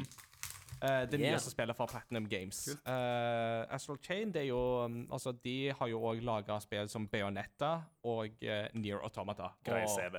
Veldig grei CV. Men de har jo òg hatt noen sånne halvveisspill, som The Wonderful 101, som jeg syns var underholdende, men hadde sine svakheter. Så har de jo hatt sånn som Turtles-spill og et Transformers-spill som bare var litt sånn yeah. De har hatt noen misser her og der. Men Det var- det var Astral Chain ja. Mm. Men Astral Chain, det er Platinum Games tilbake på liksom der vi vil ha de. Liksom. Det, er- Kult. det er ikke det, For meg, det kommer ikke opp på Near Automata-nivå. Det gjør det ikke. Uh, Det skal mye til. Det skal veldig masse til, eh, og det har jo litt med at eh, historien og på en måte den underliggende filosofien og sånt i Near Automata er jo kjempedyp. Mm. Uh, som jo appellerer veldig til meg. Astral Chain har ikke den. Den er, dette er litt enklere plott, litt mer overkommelig, Uh, og fortellerteknikken der går litt sånn opp og ned. Men er det én ting Platinum Games kan, så er det fast-paced action med bunnsolide kontrollsystem, og det får du med Astral Chain. Eh, settingen er jo en sånn nær framtid der eh, menneskeheten er på randen av utryddelse. Så nå bor de på en sånn gigantisk kunstig øy ute i Stillehavet som kalles for The Ark. Um, og grunnen til at det er nær utryddelse, er fordi at det åpner seg sånne interdimensjonale portaler der det, de vanlige folk kan ikke se dem, men det kommer ut noen vesen som kalles for chimeras ut ifra det, og som eh, Mm. av og til drar med seg folk ut, men eh, ofte er det bare det at de legger alt over i sånne rød De infiserer ting med en sånn rød sånn greie som gjør at ting blir infisert, kan du si, på en måte. Ja. Eh, og nå virus. Ja, et slags virus eller sånn taint eller Mm. noe sånt. Og nå har menneskeheten endelig klart å finne opp et våpen som de kan bruke mot chimeras, og det er da at de rett og slett binder chimeras til seg ved hjelp av noe som de da kaller for en astral chain, altså en slags sånn celestial kjetting, mer eller mindre. Mm. Så forskjellen er at eh, Forskjellen er jo da at så går det fra å være røde til å bli blå. Og da mm. Friendly du, color. ja, friendly color. Så, og da kan du på en måte Da er, det, da er du nesten som en sånn løvetemmer eller sånt, som på en måte har på en måte de i kjettingen, og så kan du sende de i kamp, samtidig som at du slåss sjøl. Pokémon. Og den Men den, ja, på, på en måte så Pokémon, men altså, det er likevel litt uh, store forskjeller. Ja, ja, ja. Ja. Jeg får litt sånn slavedrift-vibes her. men, ja, eh, det er jo definitivt en sånn eh, Du bruker eh, vesen mot deres vilje til å slåss med deg og for deg, men alternativet er jo menneskehetens utryddelse her. Mm. Uh, som du spiller da i rollen som en av to tvillingsøsken, uh, gutt eller jente. Um, den du ikke velger å spille som, den vil dukke opp som en bifigur i historien og ha dialog, mens du sjøl vil ikke si noen ting. så det er veldig fascinerende. Og så blir dere en del av politistyrken på The Ark. eh, og blir da en del av spesialenheten Neuron, som da er enheten som bruker disse her uh, eh, Legions, som de da kalles, eh, når du har uh, Chimera som du har på ditt Mm. lag. Kult. Og spillmekanikken fungerer jo en del sånn med at du kan sende Chimeras bort til fiender og slår løs på dem, mens du slår løs på andre fiender igjen. Og så er dere hele tida bundet sammen av denne kjettingen. Og så med høyre spake så kan du styre Chimeraen hvor den skal, mens du styrer deg sjøl med venstre spake. Og da kan du f.eks. gjøre ting som at du kan styre Chimeraen, nei, uh, Legionen, mener jeg, rundt en fiende Chimera, sånn at de blir bundet av kjettingen. Og da er de bundet fast, og da kan du gå bort og så hakke løs på Ja, dem. kult. At etter hvert så åpner du en del sånne komboløsninger og sånt. Jeg tror noe av det gøyeste er jo hvis du ser at en fiende kommer til å rushe mot deg, så kan du spenne kjettingen sånn at de går inn i kjettingen, og så, må du, og så blir de kasta tilbake. så det er sånn, omtrent sånn, sånn eh, holdt på å si, sånn ring rundt sånn bokse, Ja, boksering. Ja, sånn strikk, rett og ja. slett. Sånn wrestling, uh, wrestling moves. Ja, så dette er rett og slett Dette er s- s- cyberpunk anime wrestling uh, the, the, the game, basically. Hey, I'm sold. yes. Har du, Eh, har du runda det? Jeg har runda det. Uh, Storyen er Altså, historien er absolutt underholdende. Den har sine svakheter, men jeg lot meg underholde ganske eh, hele veien gjennom. Mm. Og det er jo veldig stilig, for at den har jo en sånn cyberpunk-setting, samtidig som at det er veldig sånn distinkt anime-stil over det. Uh, og som politi så er det noen ganger så må du liksom bare Å, herr politimann eller fru politikvinne, det Jeg, finner ikke dattera mi, eller, eller en lita jente som bare «Ah, 'Jeg finner ikke mammaen min', så er det bare sånn OK, da skal vi gå og lete, og så Mm. går dere og leter, og så finner dere mor. Så det er litt sånn Du må rett og slett være, holdt jeg på å si, your friendly neighborhood policeman. Eller policewoman. Ja, Og det- det, det er koselig, det. Og det må nevnes, Astral Chain har tidenes koseligste samleobjekter. Ja, jeg hørte om det. Ja. Hvert, katt, eller hvert brett du er på, har en katt som trenger et nytt hjem. Yes. En Nala?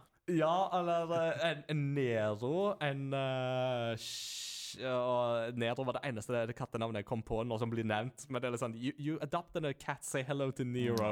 Mm, Og så Koselig. samler du alle sammen i et sånt forlatt hus som du kan besøke mellom oppdragene, og så kan du gi dem kattemat, og så er det sånn Det er superkoselig! Men du kan ikke klappe kattene, og du kan ikke klappe hundene i spillet. Så can you pet the dog? No. Mm. så minus for det. Men tidenes koseligste samleobjekt. Ja, ja, ja. Nice. Jeg har òg spilt uh, veldig kort, så skal jeg òg nevne at jeg har fått begynt på Control. Ja. Som er dette nye spillet fra Remedy Entertainment. Det finske Ja. studioet som står bak Max Payne, uh, Alan Wake og Quantum Break, for å nevne noe.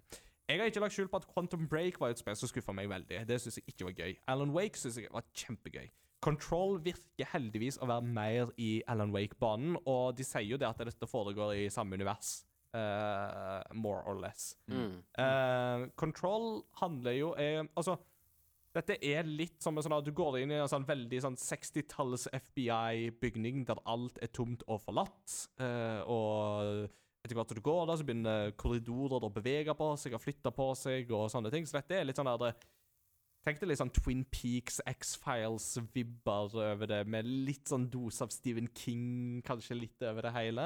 Mm. Eh, der du er da en kvinnelig rollefigur som eh, da kommer inn i denne bygningen til The Federal Bureau of Control, og må da løse opp i mysteriet der folk enten er vekke, eller de svever rundt omkring i løse lufta, og du hører hele tida sånn her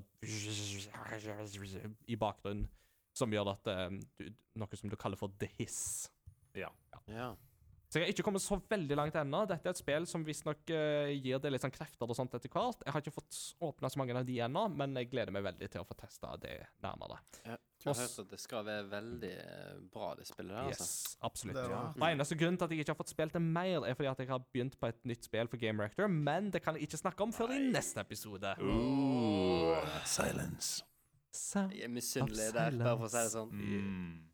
Ja. så det var det. Men jeg har hørt at det sliter litt med noen sånne framerate issues og sånne greier. Du tenker på Control? Ja, Ja, altså, jeg spiller på PC, så jeg har ikke Ja. merka sånn veldig masse. Um, Jeg prøvde å ja til PlayStation. da. Ja, eh, eh, Konsollversjonene sliter jeg jo hørt der. PC-versjonen har jeg ikke opplevd noe problem med. Eh, der er det DirectX 11 eller DirectX 12. Hvis du vil ha, ha det kort som støtter raytracing, så velger du jo da DirectX 12. Men jeg prøvde på det bare for å se, og da krasja spillet i åpningsfilmsekvensen. Så da bare starta jeg på nytt i DirectX 11, og etter det så har jeg stilt alt på ultra, og det går som en dans. Okay. Yeah, det går som en dans.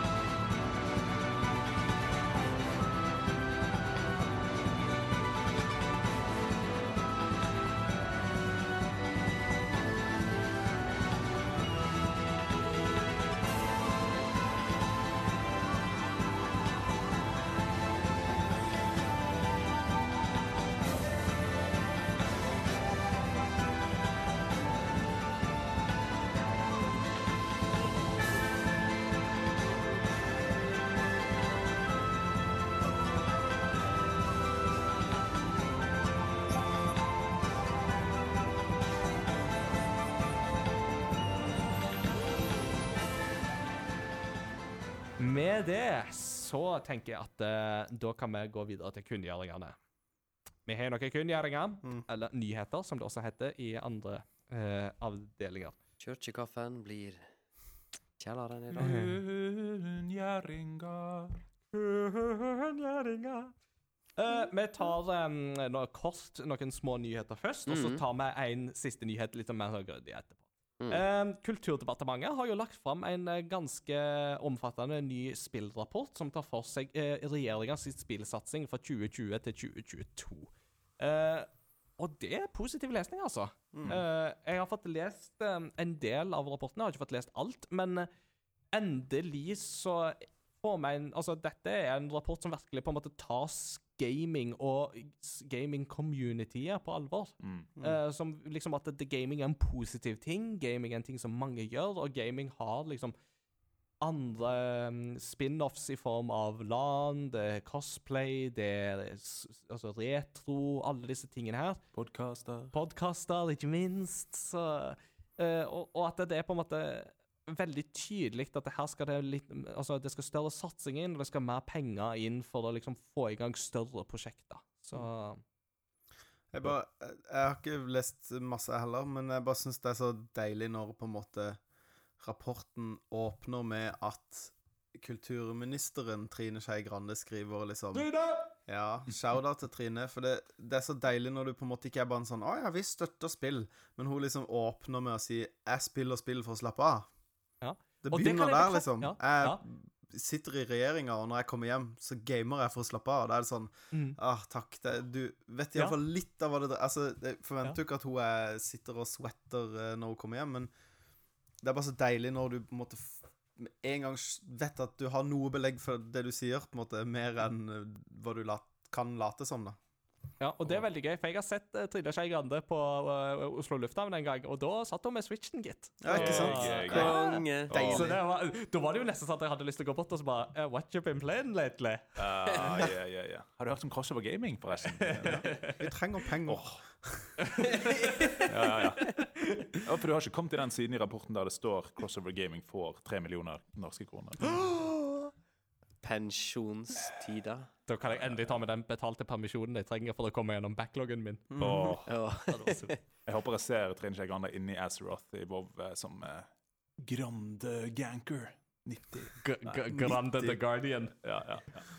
Uh, ja, eh, så den, sjekk den ut, uh, folkens, hvis dere um, Og mange gode illustrasjonsbilder for norske spill og sånt òg, så det er Ja. kult. Eh, apropos det, jeg hørte på en annen podkast hvor de snakka om den, og da sa de at det er jo et eller annet sted hvor de deler ut rapporter sånn fysisk. Så du kan gå et sted og få den rapporten, og den har masse eh, Mm. art fra norske spill. Ja. Fullsides, kan, og det er kjempefint, så man kan liksom Jeg kan gå prøve, ja. hmm? Jeg kan prøve å se om jeg ikke kan få gjort det til neste episode. Ja, Så, det, det må jo være en gøy ting å ha, sånn uansett, Ja. på en måte. jeg tenker det. Og i min Mm. jobb så har jeg av og til sånne rapporter uansett, men de er ofte fra Kunnskapsdepartementet og ikke Kulturdepartementet, så hvis det, Ja. Eh, for de, de som spiller Gears 5, og Mhm. altså her er det noe som kan få deg til å spille multiplayer litt mer, fordi Dave Bautista uh, skal jo uh, dukke opp i multiplayeren. Like the man, the myth, the legend, også kjent som Drax fra I have Guardians of the mastered Galaxy. the art of standing completely still. ja, ja, ja. The beast is too strong on the outside. I must carve it from the inside. Og jeg på, eh, Nothing goes over my head. If it does, I'll just catch it. ja. Jeg leste en veldig fin historie om akkurat det der en gang, med en søster som hadde med seg lillebroren sin, som da hadde Aspergers, eller uh, en tilsvarende diagnose. Eh, og da han sier det 'Nothing goes over my head. I'm too fast. I will catch it'. Så hadde lillebroren bare han er sånn som meg!' Ja. Fordi at her, hadde, her har du en rollefigur som ikke skjønner billedspråk. ja. Og det var liksom Åh, takk Marvel for at dere gir uh, forbilder uh, som Yes. alle kan kjenne seg igjen i. Good. Eh, neste lille nyhet er at uh, av alle spill så får Civilization 6 en Battle Royale-modus. What? I know. Hva skjer med det? Forstår du den som kan? Uh, jeg, aner ikke hvordan, jeg aner ikke hvordan dette skal funke. Å, Christian, du må ikke tøyse med det. Is this an early April Fool Out of season April Fool's joke? Nei, nei, det var Ikke det jeg tenkte på. Bare at eh, hver kamp varer i ti timer, for du må liksom komme deg opp, og så Ja. Ja, for det, sånn som bare hele spillet er bygd opp, er jo liksom et, et Ja, det tar jo ti timer en Ja. match, liksom. Ja. Ja. Å gjøre det om til Battle Royale er, jeg, jeg ser Jeg skjønner ikke helt hvordan 100 mot Nei, hverandre ikke. som skal spille Åh, i 100 1000 sivilisasjoner. Dette blir veldig spennende å følge med på framover. Alle sivilisasjonene prøver å komme seg inn mot midten. Kjempebra endgame. Ikke sant. Uh, sist gang så snakket vi om uh, Project Resistance, som jo da var et eller annet som Capcom tisa med. Nå har vi fått vite at det ser ut til å være et uh, sånn fire mot én-spill i Resident Evil-setting. Ikke så helt ulikt Friday the 13th eller Evolve, for de som husker det. Mm. Eh, mer i løpet av Tokyo Game Show, som foregår akkurat nå. Så når dere hører på denne episoden, så vet dere kanskje mer enn det vi gjør nå. Mm. Um, for de som husker E3-messen, og husker Bethesda sin eh, litt sånn eh, forferdelige pressekonferanse, så var det jo ei dame som Ja. fikk opp litt stemninga der. Det var jo hun Ikumi Nakamura. ja. Uh, hun var jo en uh, til 1000. Men uh, hun har nå meldt at eh, hun gir seg i Tango Gameworks etter ni år. Det Eh, kjipt. og det er da før eh, dette Ghost Ghostwire Tokyo kommer ut. Jeg må si at det var nesten bare av henne jeg ble nysgjerrig av spillet. Ja, men altså, hun var jo Så- bare sånn der eh, Hun var jo skikkelig entusiastisk. vet du, Og veldig sånn, eh, sånn ah, 'Beklager at engelsken min ikke er så god, men eh, jeg skal gjøre mitt beste.' Og det var sånn ah, nei, det sånn, Vi trenger mer sånn, Mm. Særlig ja. Betesta-konferanser. Å, ja. Ja.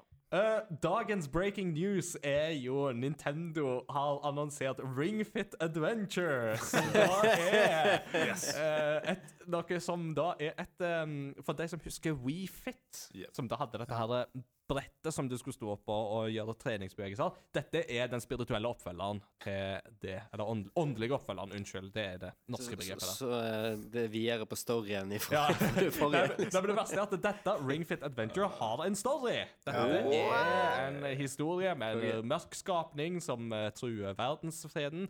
Og du må da forsere hindre og sånt med å springe, du må tøye, du må Og kampsystemet, det er turbasert. Der det beste her er jo det at eh, To get your absolute defense, you must use your abs. Yes.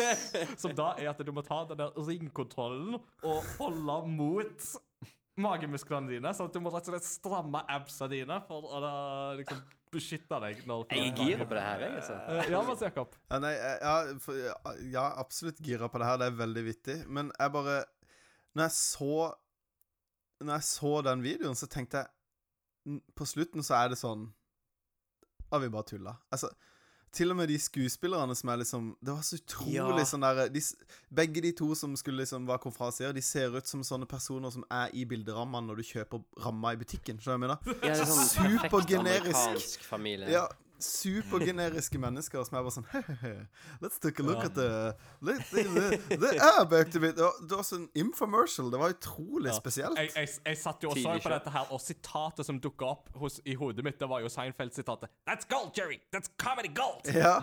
It's comedy gold. Det, eh, det kunne vært beinhard ironi, på en måte. Ja, jeg faktisk. håper jo det er det. Jeg satt Jeg, jeg kniste i syv og et halvt minutt der i den traileren. Men, eh, Men, de eh, bare ja. liksom Yeah, it's an adventure game. Og bare In a regular adventure game, you fight with a sword. Here you fight with the ring. Og det var bare sånn Pump the Så, ring! ja. Var, Så, så kontro kontrollen her er jo basically at du har noe som ser ut som en stor rockering så du skal holde. Um, og så følger det da med Altså, så plasserer du den ene joyconen plasserer du i den ringen, og den andre joyconen fester du til en sånn der eh, strap på, um, på, på leggen din. Uh, nei, på låret ditt. Eh, og så skal du da bøye og tøye og springe og ja, diverse. Så dette var veldig, veldig sært, men samtidig Ja. så sært at you can color me interested. ja. Ja. Can you lift your joycon? Take a biceps curl with a joycon. Ja, men jeg, når, jeg, når jeg så de greiene, så ble jeg litt sånn Jeg ble litt overbevist faktisk på at liksom Vet du hva, det her Det er jo tungt, masse Ja, av det. ja. Jeg tror det her er liksom Hvis du klarer å få turbasert RPG-kampsystem til treningsspill Ja. Der du må bruke er. Ja. for å forsvare Ja. deg. Jeg tenker at liksom hvis jeg skal ha en unnskyldning for å kjøpe det, så må det jo være for å tro at jeg skal begynne å trene. Eller sånn, mener.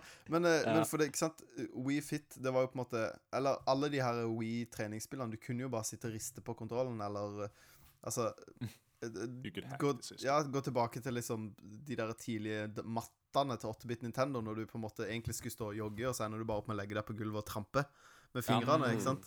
For det er Sånn mye som mer Reggie Feel effektivt. som jeg gjør i en video. Ja, ja, ja. Og så Men det her ser jo ut Ja, du må faktisk jobbe for det, da. Og det, liksom- men det Ja. jeg syns viktigst var sånn herre eh, Angrepene Typene angrep var basert på type trening og sånn. Så var sånn derre Mm. eh, De grønne angrepene var yogabevegelser, og det var liksom bein og armer og Det var veldig vittig.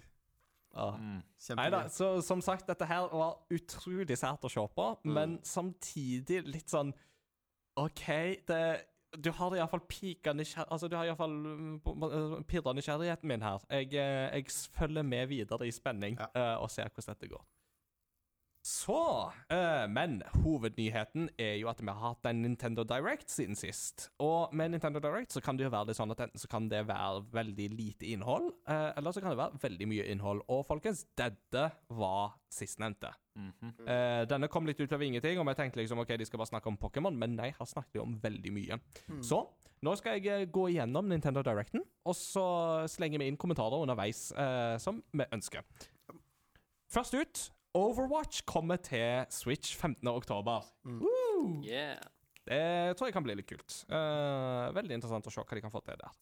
Um, Luigi's Mansion 3 fikk vi se litt mer av. Det fikk vi jo se litt sånn spennende miljø. Vi fikk se et diskoområde, vi fikk se sånn sjørøverplass. Mm. Uh, og det kom jo 31. oktober, som vi allerede vet. Mm.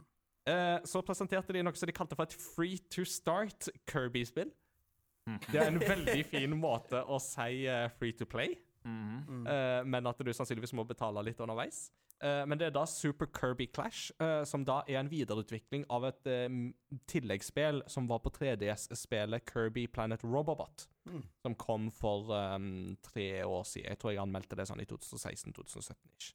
Det var et ganske bra Kirby-spill, faktisk. Um, Trials of Mana-remaken fikk vi se litt mer av, og vi fikk datoen 24. april 2020. Mm. Så det òg Må jeg si det, det Altså Jeg er gira på det, men det kommer fire dager etter Cyberpunk 2077, så det er sånn Hard choices there. Ja.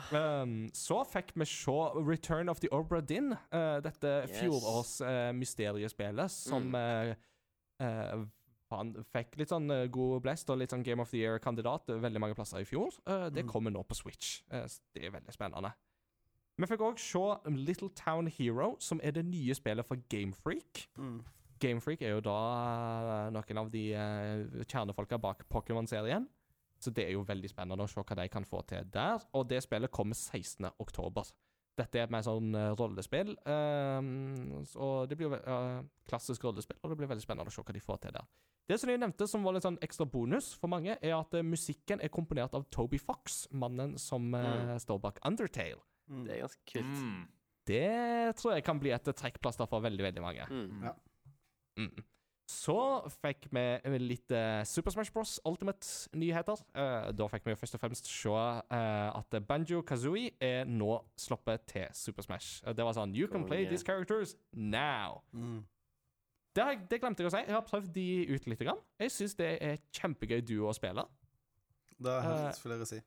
Ja. Jeg har jo et veldig godt og varmt forhold til Banjo Kazooie og Banjo Tooie fra Nintendo 64-dagene, og det er Mm. veldig artige greier. Mm.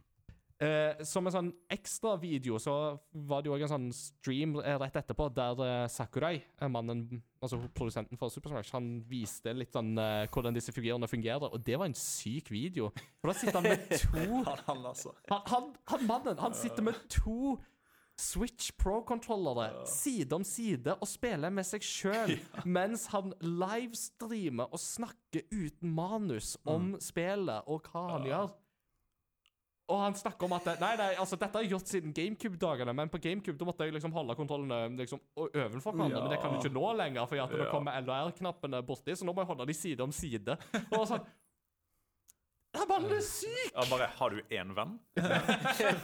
Ja, det var det. Og det jeg hørte, Og det- I to podkaster de nevnte det, og begge sa bare Why didn't he just bring a friend? Ja, ja, ja. For, for, fordi, fordi vi trenger mer å se hvor awesome personen Sakurai faktisk er. Ja. eh, som bare kan få til de greiene. Det bare helt sjukt. Han har overmenneskelige evner han har. Spiller Ja. Smash mot seg sjøl, og han blir bare yngre og yngre. Helt seriøst, se bilder av Sakurai fra er 90-tallet, og se bilder av han i dag. Han ser ikke en dag eldre ut! Nei, han ser jo yngre ut. Det er jo det som er så sykt. Han blir bare ja. Eh, det, som, det som også er litt funny, er at i den streamen så nevner han det at hvis du vil spille Banjo Kazooie i dag, så er den letteste måten å gjøre det på, det er på en Xbox, fordi du har det på Rare Replay. Og som han sier at ja, jeg vet at dette er på en Nintendo-stream, og Super Smash Bros. er på Nintendo. Microsoft og Xbox det er noen andre, men vær så snill, folkens. Bare spill det, for nå har de vært snille og lånt ut lisensen til oss. Så please check it out. Og det som har skjedd, er at eh, Xbox har trenda på Twitter i Japan etter at Sakurai snakka om det Ja. på, eh, på Nintendo Direct. Så alt Xbox trengte for å endelig få litt blest i Japan, var bare at Sakurai måtte snakke litt varmt om det. Ja, ja, for Xbox er jo Det er jo De, dødt. de er jo ikke- ikke-eksisterende i Japan. Ja, altså, Xbox One blir promotert som en eh, 4K Blu-ray-spiller i Japan. Det er det de selger den som Ja. i butikkene. Det er det som er salgsargumentet. De, altså, Gaming det er liksom sekundært for den, så Xbox har jo nesten ikke et marked i Japan. Eh, og det at da Sakurai plutselig kommer og så bare ja, Sjekk det ut, så plutselig så bare whoop. Det er så søtt, og det er så erkejapansk. Så høflig. Ja. Bare sånn, Vi fikk låne den. Kudasai. Du Ja. må sjekke det ut. Arigato gozaimasu. Hyggelig fyr, altså. Mm. Ja da. Og så, mens, uh, han snakket, eller mens de snakket om Super Smash Bros., så annonserte de uh, DLC-figur nummer fire, som da er Terry Bogart fra Final Fi Fatal Fury. Mm. Ja. Mm. Mm. Eh, de- Veldig kul eh, release-film. Veldig kul release-film der, altså. Den var skikkelig stilig. Fikk du med deg det han snakka om uh, Han snakka jo om, om sine på en måte erfaringer med SNK-spill, som har lagd eh, Fatal Fury og Art of Fighting og alle de spillene Mhm. som så snakk, eh, Nei, det var ikke det han snakka om. Det var et intervju han hadde hatt uh, tidligere, hvor han snakka om en av grunnene til at han Smash på til, skal på en måte være tilgjengelig for hardcore fans og for casual gamers, er fra Mhm. han eh, Når han spilte eh, fighting-spill i Arkaden i Japan, så hadde han en streak på 50 seire på rad. Og der, er det jo, der spiller de jo ikke på samme maskin, de spiller jo med maskiner mot hverandre. Ja. Hvor da du på en måte Hvis du vinner, så får du bare stå, og så står, kommer folk liksom og utfordrer. Og Mm. så hadde han da grisehjult et, et par som var på date, som aldri hadde spilt før. Altså han hadde bare Det var no mercy, da. Og så hadde han sagt Etterpå så hadde han tenkt sånn Tenk om jeg liksom har skremt de vekk fra å aldri spille et fighting-spill igjen. Wow. Det er jo ikke noe gøy. Og det var på en måte en av på en måte bakgrunnen for filosofien bak Smash. Var at det skulle være tilgjengelig for alle, og det skulle være gøy uansett. Men det skulle også være ha på en måte mechanics som gjorde at du kunne være liksom hardcore i det spillet. da Det er jo kjempeinteressant. Det, det visste jeg Det ikke. veldig, ja, veldig, jeg, veldig jeg, hørte det faktisk i dag, så det var litt sånn der eh, Jeg hadde ikke hørt om den artikkelen, men det var eh, Mm. utrolig Ja, han har, har slått ja. liksom alltid tenkt at han er en sånn vampyr som bare blir yngre og yngre, og bare er sånn iskald jobbemaskin som bare Ja, lager et Tar spill som bare intravenøst og går har- videre på jobb. Det, altså, det er jo så mye innhold i det spillet. Det er helt, Jeg fatter ikke hvordan han lever. At han står Nei. oppe. Han, han tar jo aldri ferie, så Nei. Sykt. Eh, ja. Men og han blir ikke arbeidsledig med det første, for de annonserte det at eh, det skal komme enda flere DLC-figurer til Super Smash Bros. Ultimate. Så de har jo tidligere sagt at det kommer fem, eh, og nå annonserte de at nei, vet du hva, det kommer flere. Så eh, det blir spennende å se. Det er sikkert cocky å tenke, da. Mine skills skremte de vekk fra fightingspill resten av livet, faktisk. hvis, du, hvis- hvis du har vunnet 50 kamper på rad, så tenker jeg at da vet du at du har skills. Ja. Så, Ja. Men, men uh, bare kjapt før vi går videre. Mm. Hvor mye koster det, vet du det, Inger, hvis du nå vil kjøpe disse fire som er ute nå, da? Jeg har ikke prisene der i hodet, dessverre. Jeg kjøpte bare en sånn eh, DLC-pakke allerede ved launch, jeg, så eh, jeg har liksom bare fått de etter hvert som de har kommet. Ja. Så jeg har ikke helt holdt- meg oppdatert på det, dessverre. Eh, så fikk vi se litt mer av Links Awakening, som jo fortsatt ser supersjarmerende og bra ut. Vi fikk se bitte litt av Dragon Quest 11, Echoes of an Illusive Age Definitive Edition S. Uh, that's a mouthful. Eh, veldig kult at du der kan switche mellom liksom sånn retro-look og moderne look. Ja. For Switche. Dragon Quest 11 oh. uh, For uh, Dragon Quest 11 ble jo i Japan lansert på 3DS òg, og den versjonen har jo ikke kommet ut i Vesten. Men dette er jo en form for å implementere det i en mekanikk, sånn at folk i Vesten òg kan få spille det. da Så det er litt kult. Jeg fikk bare enda mer Så- lyst til å spille den da jeg så det. Ja, jeg òg. Ja. Uh, selv om jeg spilte det i fjor, og var sånn, ja, det var greit, men det hadde sine mangler. eh, og sånt. Jeg er litt mindre positiv til det spillet enn noen andre. Men uh, for all del, det, det har sine øyeblikk. Det har det. Så verd å sjekke ut hvis du er nysgjerrig. Så fikk vi se noe som jeg ble litt hypa på, og det er at Tokyo Mirage Sessions hashtag FE Encore kommer til Switch. Uh, Tokyo Mirage Sessions er da et, en krysning mellom Shin Megami Tensei-spillene og Fire Emblem-spillene, Mm. som kom på Wii U i sin tid. Uh, som jeg dessverre aldri rakk å spille uh, da det kom, uh, og som alltid har jeg liksom tenkt at det hadde vært gøy å gå tilbake til. Men nå kommer det altså på Switch. Det som er litt gøy, er at eh, for ca. et halvannet år siden så skrev jeg en artikkel på Game Reactor om fem spill vi har lyst til å se på fem Wii U-spill som bør konverteres til Switch. Og Tokyo Mirage Sessions var ett av de spillene. Så nå er det bare fire igjen på den lista. Så nå må de bare porte Pikmin 3, de må porte The Wonderful 101, og ja, så er vi snart der. Og mange flere GameCube-spill. Og mange flere GameCube-spill. ikke Ja. Um, videre um, Deadly Premonition 2, A Blessing in Disguise, uh, ble plutselig annonsert. Uh, er det noen av dere som har spilt Deadly Premonition 1? Nei, men jeg Nei. har hørt flere hypere. Ja, det er litt sånn eh, Hvis du liker den der Twin Peaks-skolen av litt sånn eh, mysterium og skrekk og sånn, så er Deadly Mm. Premonition 1 er eh, absolutt verdt å spille. Og det er nå tilgjengelig på Switch, for det ble snikannonsert i samme slengen. Så så virkelig ikke den komme. Mm. Uh, Divinity Original Sin 2 Mm. er nå ute på Switch, og det har cross-save med Steam-versjonen, så det er litt gull. Det er fett. Og når Divinity Original Sin 2 kan plutselig bare Nå er det på Switch, og har cross-save.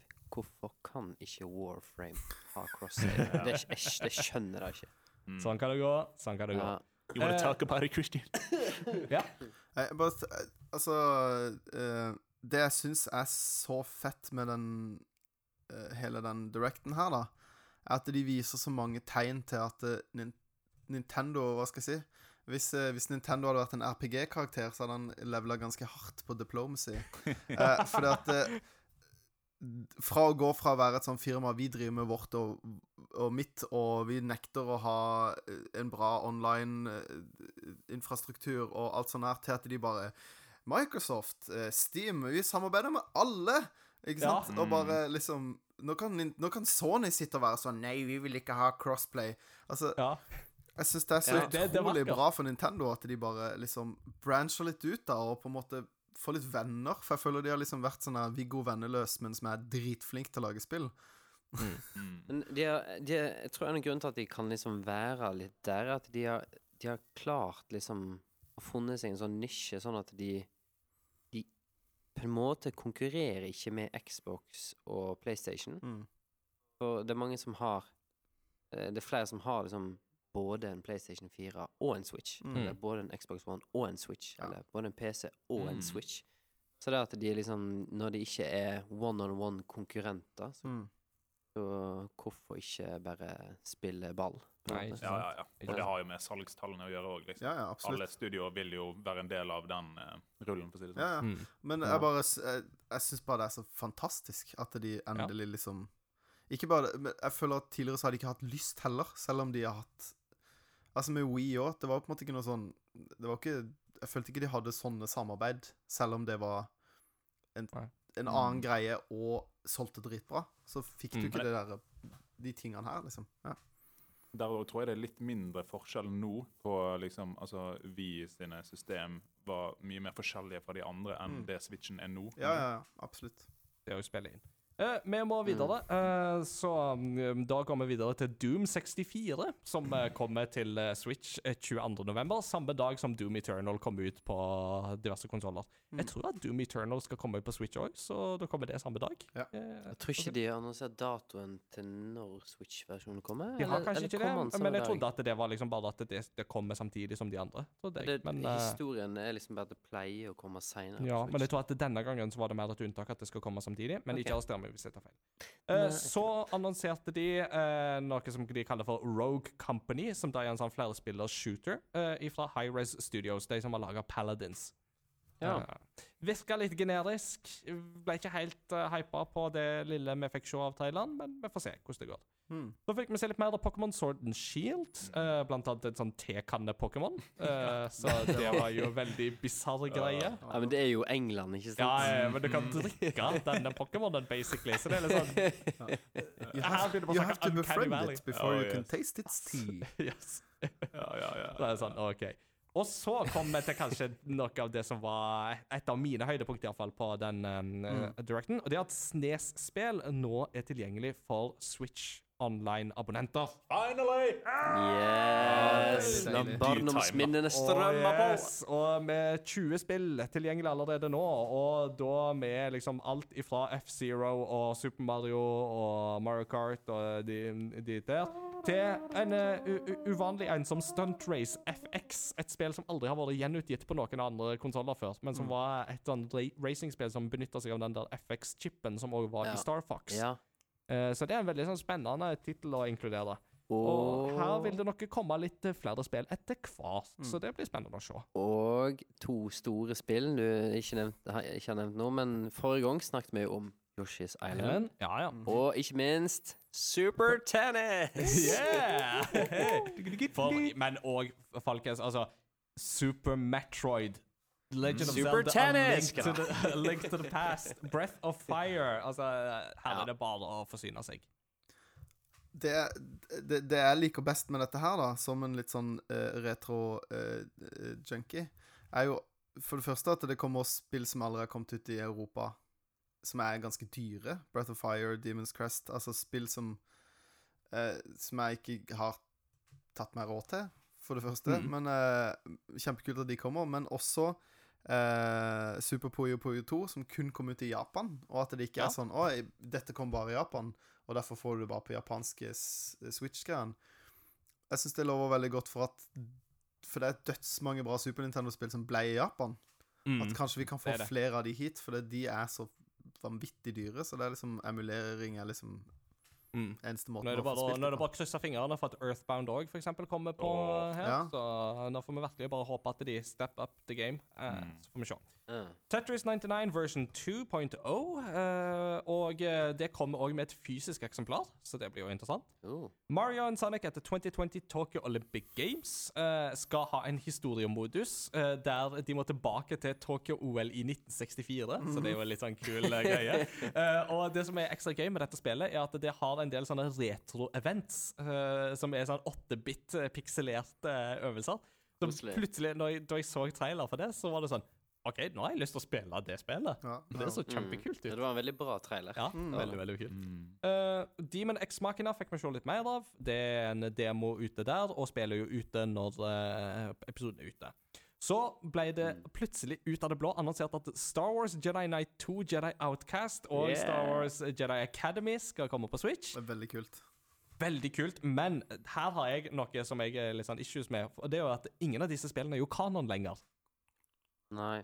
Og at de plutselig da skal bare gjenutgi det. Altså, for all del, Jeg er kjempestor fan av Kyle Katarn, eh, altså hovedrollefiguren i disse spillene. Altså, Kyle Katarn er et av de største tapene med at uh, den gamle kanonen ikke lenger er kanon. Mm. Men det at de nå liksom gjenutgir det, er det sånn at uh, de har lyst til å gjeninnføre Calcatarn? Altså, hvordan har det hvordan, Eller Ja. er det bare money grab? Altså, jeg tipper jo at det er bare money grab, men ehm, Det der er jo litt sånn uh, smak og behag. da. Jeg syns jo sånt er litt kult, egentlig. Når ting ikke er kanon. Mm. For at da Da kan du gå litt mer crazy uten å ødelegge mainline-historien. Det er basert på samme univers, så hvis jeg tenker at det er in a parallel universe, liksom. Ja, ja, det er jo sånn du må se Ja. på det. Mm, mm. Uh, og for all del, altså Jedi Knight 2, Jedi Outcast er kjempebra. Mm. Eh, så Det er Ja, vel helt verdt å sjekke Revolusjonerende kampsystem Mm. når det kom. Kjempebra. Og Raven som lagde det. Mm. Og så fikk vi òg uh, se litt sånn småplukke av eh, diverse spill. Jeg nevner The Witcher 3. Assassin's Creed The Rebel Collection, som da inneholder Black Flag og Rogue. Uh, Dauntless. Just Dance 2020. uh, Grid Autosport. Nino Kuni, Wrath of the White Witch. uh, som uh, Yeah. jo snart kommer på Switch. Mm. 20. september kommer det. Mm. NBA 2K20. eh, den eh, mest lootboxete av alle sportsspillene som fins der ute. Ja. Eh, Call of Cthulhu og The Outer Worlds og Vampyr var da spill som jeg fikk se i en sånn litt sånn korte trekk. Så fikk vi se en god del fra Animal Crossing New Horizons, Mm. Og jeg ble veldig hypa på det spillet plutselig. Det så Mm. supersøtt ut. Og kjempechill og koselig. Man kan nok bruke mange timer. I, Altså, jeg har aldri spilt et Animal Crossing-spill, men når jeg ser det, så får jeg alltid en sånn følelse av at det her er et sånn søndagsspill, Ja. Mm. Mm. av en eller annen grunn. Mm. Vær så god. Ja. En, en, eh, en ting som er litt kult med det, er jo at det, det har ikke vært noe særlig med crafting i det spillet før. Nei, Eh, men det får en større Og det viste de jo når det var ikke sånn her Å, nytt er crafting, men på en måte de bare viste at de crafta ting. Som Jeg har liksom alltid tenkt at Animal Crossing er litt sånn The Sims for femåringer. Jeg har aldri spilt det, så det er på en måte litt sånn der det inntrykket jeg har hatt. Men når du får på en måte At du kan flytte litt rundt på møblene dine og pynte i stua di, liksom, men at du på en måte også kan liksom bruke Du kan samle ressurser og på en måte eh, crafte ting du trenger, da, så får du plutselig litt mer sånn Da ble jeg Mm. plutselig litt mer interessert, da. Jeg sier ikke at uh, Ja. disser ikke Animal Crossing på noen måte, men jeg har liksom aldri vært interessert i det. Men bare det Eh, fikk det- meg til å tenke at det var litt, litt mer interessant. Ja, jeg har samme følelsen sjøl. Jeg, heller har bare- jeg har bare andrehåndserfaring med Animal Crossing, så, men dette kan bli første gang jeg eh, prøver meg. Mm. Det, det så supersjarmerende ut. Ja. Så jeg har veldig lyst til å prøve det. Og så hadde jo da eh, Helt til slutt så hadde de sånn Oh, and one last thing. Xenoblade Chronicles Definitive Edition Yes. kommer til Switch 2020. Å, jeg er så hypa på det! Åh, Ja, ja, Det så veldig fint ut, altså. Vet du hva? Det er sånn Skal du jo Xenoblade- akkurat blitt ferdig med det, Ingar? Ja, jeg har akkurat blitt ferdig med det. Det tok meg to år. å bli ferdig, begynner igjen. Yes.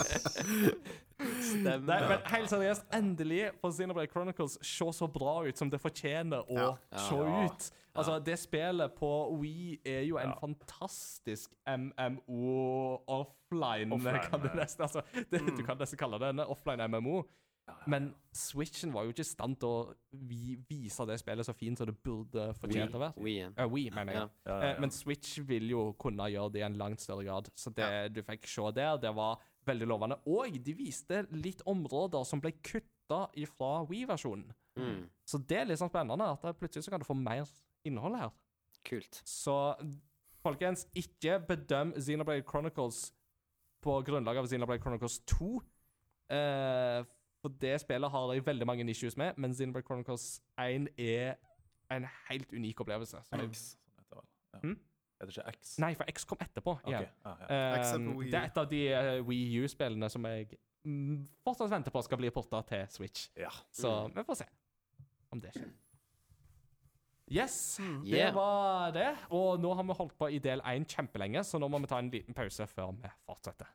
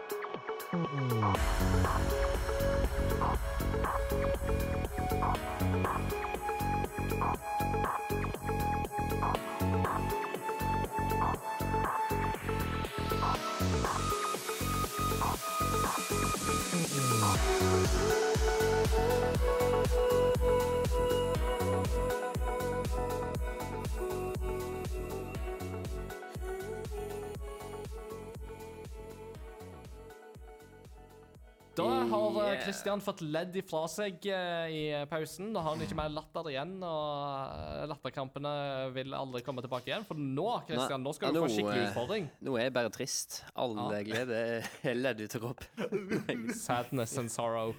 Nei. fra Naruto spiller i bakgrunnen.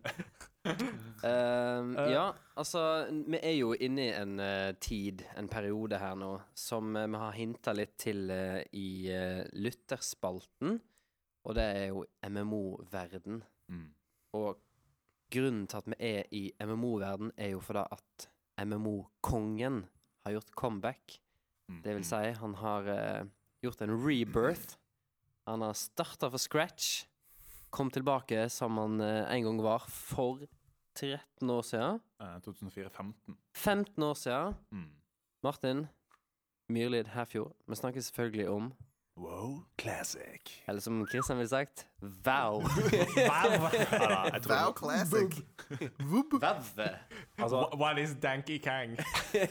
Danky Kang. Dinky dang. Nei, men det var faktisk den største MMO-releasen siden WoW Classic 2004.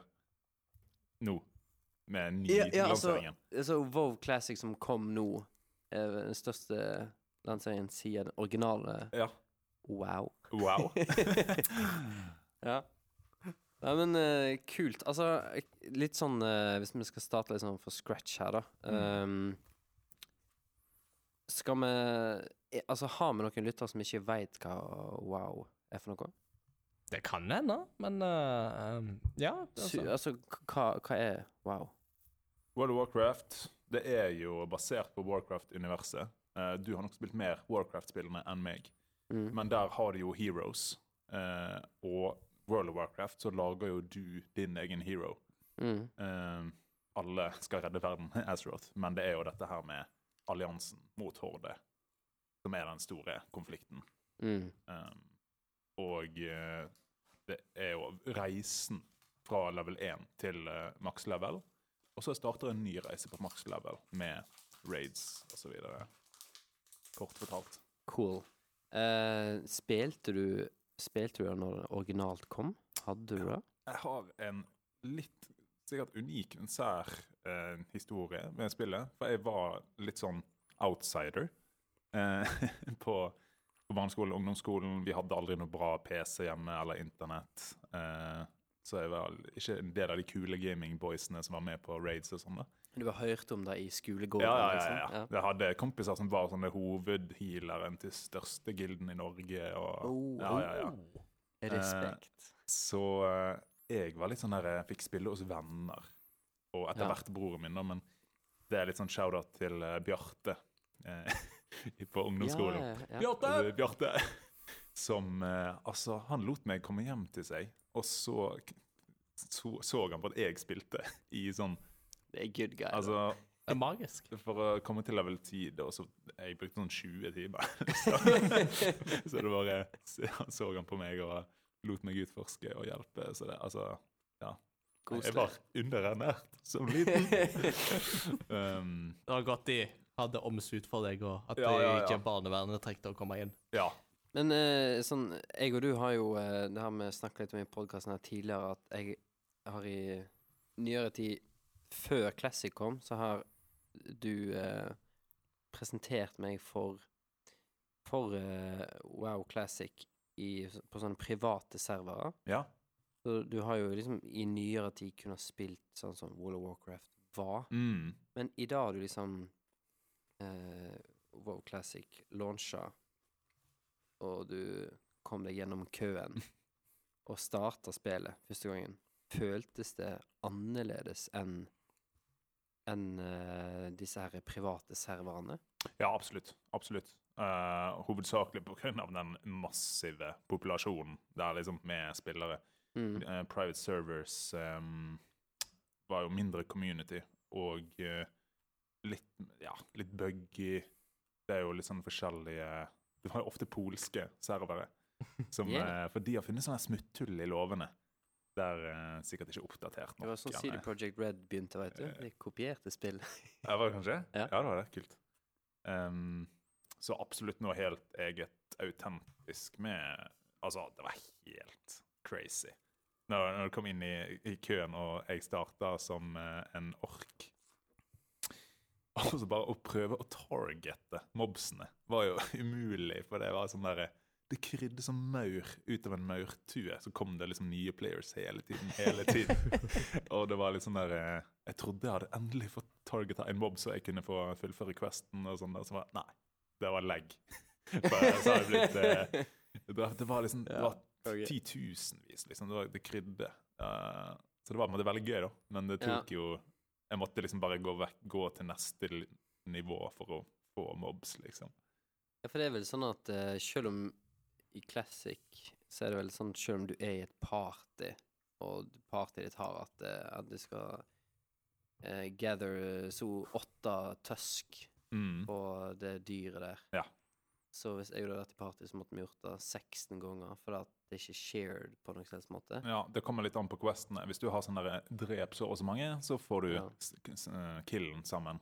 Men hvis det er sånn quest item, du må få eh, eh, kjøtt eh, fra den grisen, eller noe sånt, Ja. så må du det, da må du ta én og én, liksom. Så når du kombinerer det med maurtue av nye Ja. spillere Ja. og legg og få mobs, Ja, ja, ja. så er det kaotisk. Og da, sånn, der gnomene og dvergene begynner, så er det sånne søte ulver eh, som nesten ser ut som hunder, nesten, da, som går rundt, liksom. Og de ble slakta! det er sånn den store ulvemassakren, liksom. Det er ikke en hund, det er en ulv. Ja, Ja, ja, ja. Det var sletten er dekket. Ja, ja, ja. Det kunne vært et sånn dokumentarmateriale, liksom. Ja. Men eh, hvordan har det vært å liksom Har du måttet stått lenge i kø, eller har du funnet strategiske tidspunkt hvor eh, du kan lett komme deg inn? For det, det er jo, som du har vært litt inne på her nå, så er det jo så vanvittig populært at Mm. de har jo kanskje undervurdert litt eh, Ja, ja, suksessen før de lanserte med tanke på antall servere. Og, Mm. Det har vært litt historien til Blizzard, det at de har, eh, de har hørt fans si sånn her Vi vil ha Classic, men så har de vært Nei, dere tror dere vil ha det, men dere vil ikke ha det. Og så nå òg, så var jo alle serverne fulle, og så har de liksom OK, OK, lagd flere og flere servere, og nå har de lagd en sånn gratis eh, migration med characters fra server til Ja. server for å prøve å fordele, da. ja, ja. Eh, så det, altså første uken så var det åtte til ti timer eh, kø når du skulle prøve å logge inn. Eh, så jeg var sånn der Dritt, å få ikke spilt etter jobb, sant. Og nå, og nå har du vel måttet stå i kø innad i spillet òg? Ja, det var så gøy og så søtt. Jeg har bilder av det, da, men når du endelig kommer inn fra køen, Mm. så er det kø. Folk stiller seg i kø på spillet for å liksom få ett Quest-item, da. Så det, det, ja, men det, da, det har jeg fått meg mer tro på menneskeheten enn uh, ja, ekte verden. Ja, for de må ikke det pga. solidaritet at de Du kan liksom. bare spemme, liksom. Men folk stiller seg faktisk én og én bak hverandre inne i Bob i kø. Koselig. Mats Jakob? Jeg skulle bare si jeg har en eh, Jeg har en kollega som eh, begynte å eh, han, ha- han kan eh, Han har fått sånn at han kan fjernlogge seg på PC-en. Altså han kan Yes. fjernstyre PC-en på mobilen. Det gjør jeg òg. Ja, ikke sant? Så han sitter og liksom Ja, nå er det Nå var det åtte timer at han skulle spille, så da bare prøver han å logge seg på. Yes. Det, er- det som har redda meg, er Google Remote Desktop. Mm. Og da har jeg liksom der OK, nå er det seks timer til jeg skal hjem. Konge. Ja, men det er Jeg fikk tima det perfekt. Det var i familiebesøk til onkelen til kjæresten. Eh, og det var liksom Når jeg åpna døren hjemme, så kom jeg inn på køen. Yes! Så det var bare Shit! Jeg fikk sånn frysninger av timingen, liksom. kunne to be. vi ikke i 2004, gitt! Ja, ja, ja. Deilig. En liten shout-out til Elisabeth, som har holdt ut med min gamingtid akkurat nå, eh, faktisk. Konge, Du er en altså. trooper. Ja. Elisabeth. Mm. Mm. Men altså, rent sånn eh, hva, hva er det som liksom Altså, det er jo et 15 år gammelt spill her. Hva er det Mhm. som gjør at det fortsatt er gøy? Eller hvorfor, Mm. hvorfor stå i kø i seks timer? Ja, ikke sant? Eh, det er unektelig mye nostalgi. Mm. Eh, men det er òg Det er ikke så mange andre spill som gir deg den lange reisen der du må virkelig må samarbeide med folk. Mm. Du må time opp med venner, og du, du skaper deg nye bekjente. Og Mm. eh, det er litt sånn med andre MMO ah, Nå har ikke jeg spilt så mange andre, da, men f.eks. Destiny 2, så Du har ikke helt den samme lange reisen der. Og eh, det er ikke sånn at du må samarbeide ja, utenom raidsene, men det er liksom noe unikt. Og så har jeg jo sett intervju med de som eh, lagde første versjonen av spillet, og de sier hovedpersonen i World of Warcraft er The World. Mm. Det, det er den er Det er noe helt unikt med den, liksom. Mm. Uh, virkelig. Mm. Hvor mange, uh, hvor mange timer sånn cirka har du i Classic til nå, tror du? Ish? Mm, det er litt vanskelig å Hva level er du i? Uh, jeg er i level 27 med min Orc Hunter Vargon. Yeah, Uh, fått meg en kattepus-pet og konge. ehm, Can you pet the cat? Yes, actually. Yes. Uh, feed and uh, revive and uh, Men kan du revive ulven? Eh, ikke den døde mobbulven i uh, orkene. Men hvis du har en ulvepet, så kan du revive. Mm. Ja, det er veldig søtt. En ting som jeg eh, Som jeg tenker er liksom ganske kult nå, da, og en litt sånn gyllen mulighet, som er noen ting som kanskje har holdt meg litt sånn tilbake fra å teste spill som World of Warcraft, er at når plutselig serien er sånn fire-fem expansions pack in, så tenker du ah, nå det er så mye jeg da må ta med, få med meg fra starten av, eller så mye jeg har gått glipp av, eller at liksom da å gå inn i den serien nå er blytungt. Mm. Det er ikke sikkert det har vært det, men, men um, nå med den her classic uh, rebirthen, på en måte, Mm. så eh, er vel kanskje den dørstokken blitt ganske lett å Mm, absolutt. Og de har, for, de, um, har begynt med layers. Altså, de har ennå ikke begynt med liksom ordentlige PVP-modes ennå, liksom. De, de skal Ja, I- release-plan Ja. som originalt, liksom. Ja, da- nesten, i hvert fall. Ja, kult. Um, så det er nok enklere enn uh, lenge å liksom komme inn i den uh, opplevelsen, da. Mm. Absolutt.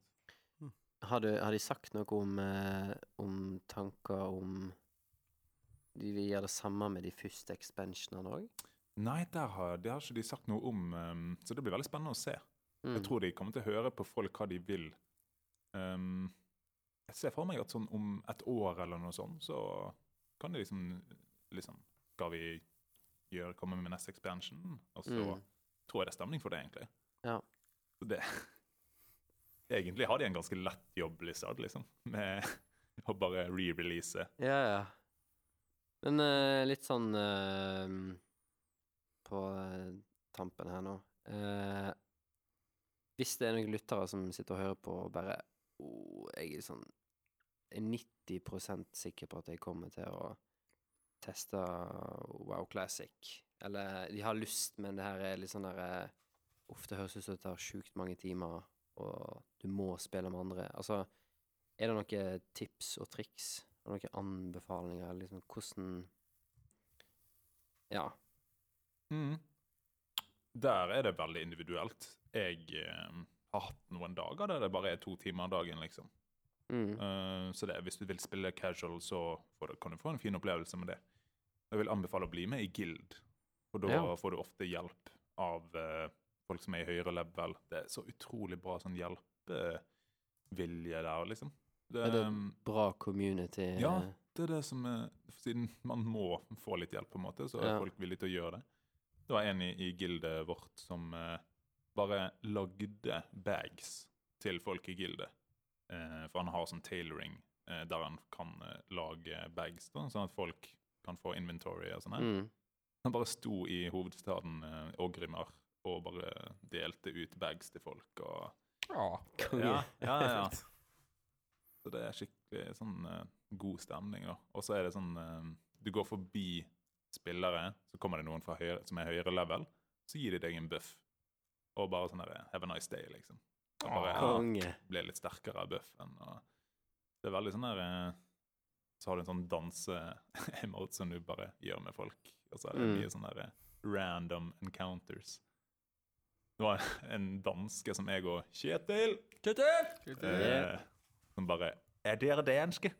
Bare, 'Nei, vi er norske'. Og så bare ja, litt sånn der Titanic-historien til Kjetil. Vi bare begynte, og vi, jeg og Kjetil begynte med sånn derre Kamelåso! Vi forstår hverandre ikke!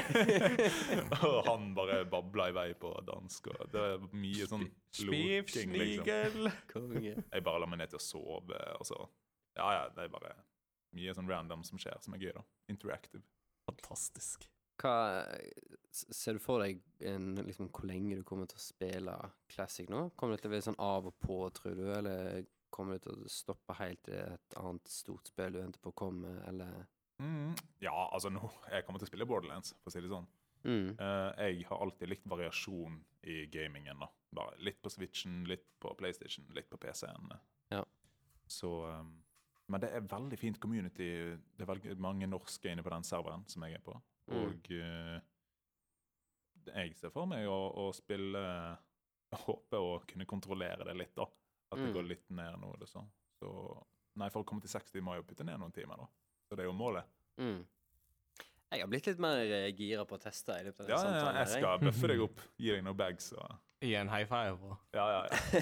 yeah. And we can dance if we want to. Uh-huh. Leave our friends behind. Uh-huh. Cause our friends don't dance, and if they don't dance, and they're no friends of mine. Absolutt. Det var det jeg hadde å bidra med i denne samtalen. Takk for meg. Nei, det er, det er tydeligvis en verden, det der, altså. World of Warcraft. Der finner du Høres ut som du finner alt mulig, men òg veldig mye bra. Ja, så skjer det sånne øyeblikk som bare plutselig skjer. Med høydepunktet mitt eh, så langt var en sånn her dungeon. Det er litt sånn de store bossfightene. Så må du sammen Du må være fem stykk for å liksom få det til, da. For det er så sterke fiender. Mm. Og så er det litt sånn Da må du invitere. Du må spørre hvem er med og tar den nå, og så blir folk med, da. Og så um, hadde vi en tank som bare merka med en gang at han var en litt sånn kjip type, da. Det skjer jo av og til. Um, og det er sånn at man roller på items som dropper. Og så, um, når vi var sånn midt i dungeon, så rolla en item som han ville ha. Og så rolla alle, og så fikk ikke han den. Så ble han sur og liva. Og da er vi sånn der, Vi orker ikke begynne på nytt. Vi må bare fullføre. Og vi fikk ikke noen til å erstatte han. Så da brukte jeg som min hunter min lille kattepus som tag. Så da sendte du katten din og så Ja. bare mjau! Yes, yes. Og da var det sånn der, OK, shit, nå må vi i hvert fall samarbeide. OK, Magen, du må gjøre han fienden til en sau før vi kan begynne å gå inn her. Så du Poly liksom polymorph. Polymorph. Yeah. Yes. Og så bare bare sånn ekstra mye planlegging. Og så klarte vi det, søren meg, det umulige. Å ta bossen til slutt. Shit. Med kattepus som tank. uh, Heal that kitty! Yes! Now! Was, was, was it a gato roboto? ja, ja, ja. Så da var det sånn når vi tok bossen, så bare dansa vi sammen på slutten. Og det var med randoms, liksom. Men, Sendte eh, et bilde til han tanken. Bare, We did it! jeg mener, Nei. Ja. Men eh, nei, det er Det er kos. Good stuff. Nice. All right. Har vi Jeg tror vi har eh, fullt uh, blitt klokere på Wow. Wow, Classic. jeg, jeg sliter med det der, altså. We, we, we. Nei, jeg, jeg tror det er, på tide å komme oss over i neste spalte. Ja, jeg eh, tenker at da er det på tide å begynne å liksom gire litt ned eh, denne høytidsgudstjenesten. Men eh, i det neste ledd i eh, liturgien er jo da en eh, liten sånn kuriositet. Og Mats Jakob, du har notert noe i eh, schedulen vår. Um, så hva What do you bring for show and tell today? Ja. Nei um, Sist gang vi spilte en episode, så hadde jeg akkurat fått meg en eh, ny konsoll. Ja. Jeg tenkte jeg ville snakke litt om, og det er Jeg skal fiske den opp fra gulvet. Sånn at det,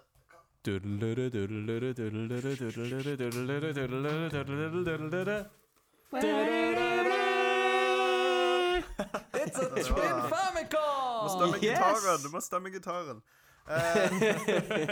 Det er da, Det jeg viser frem til mine podkastkollegaer her, det er en uh, Sharp Twin Famicom.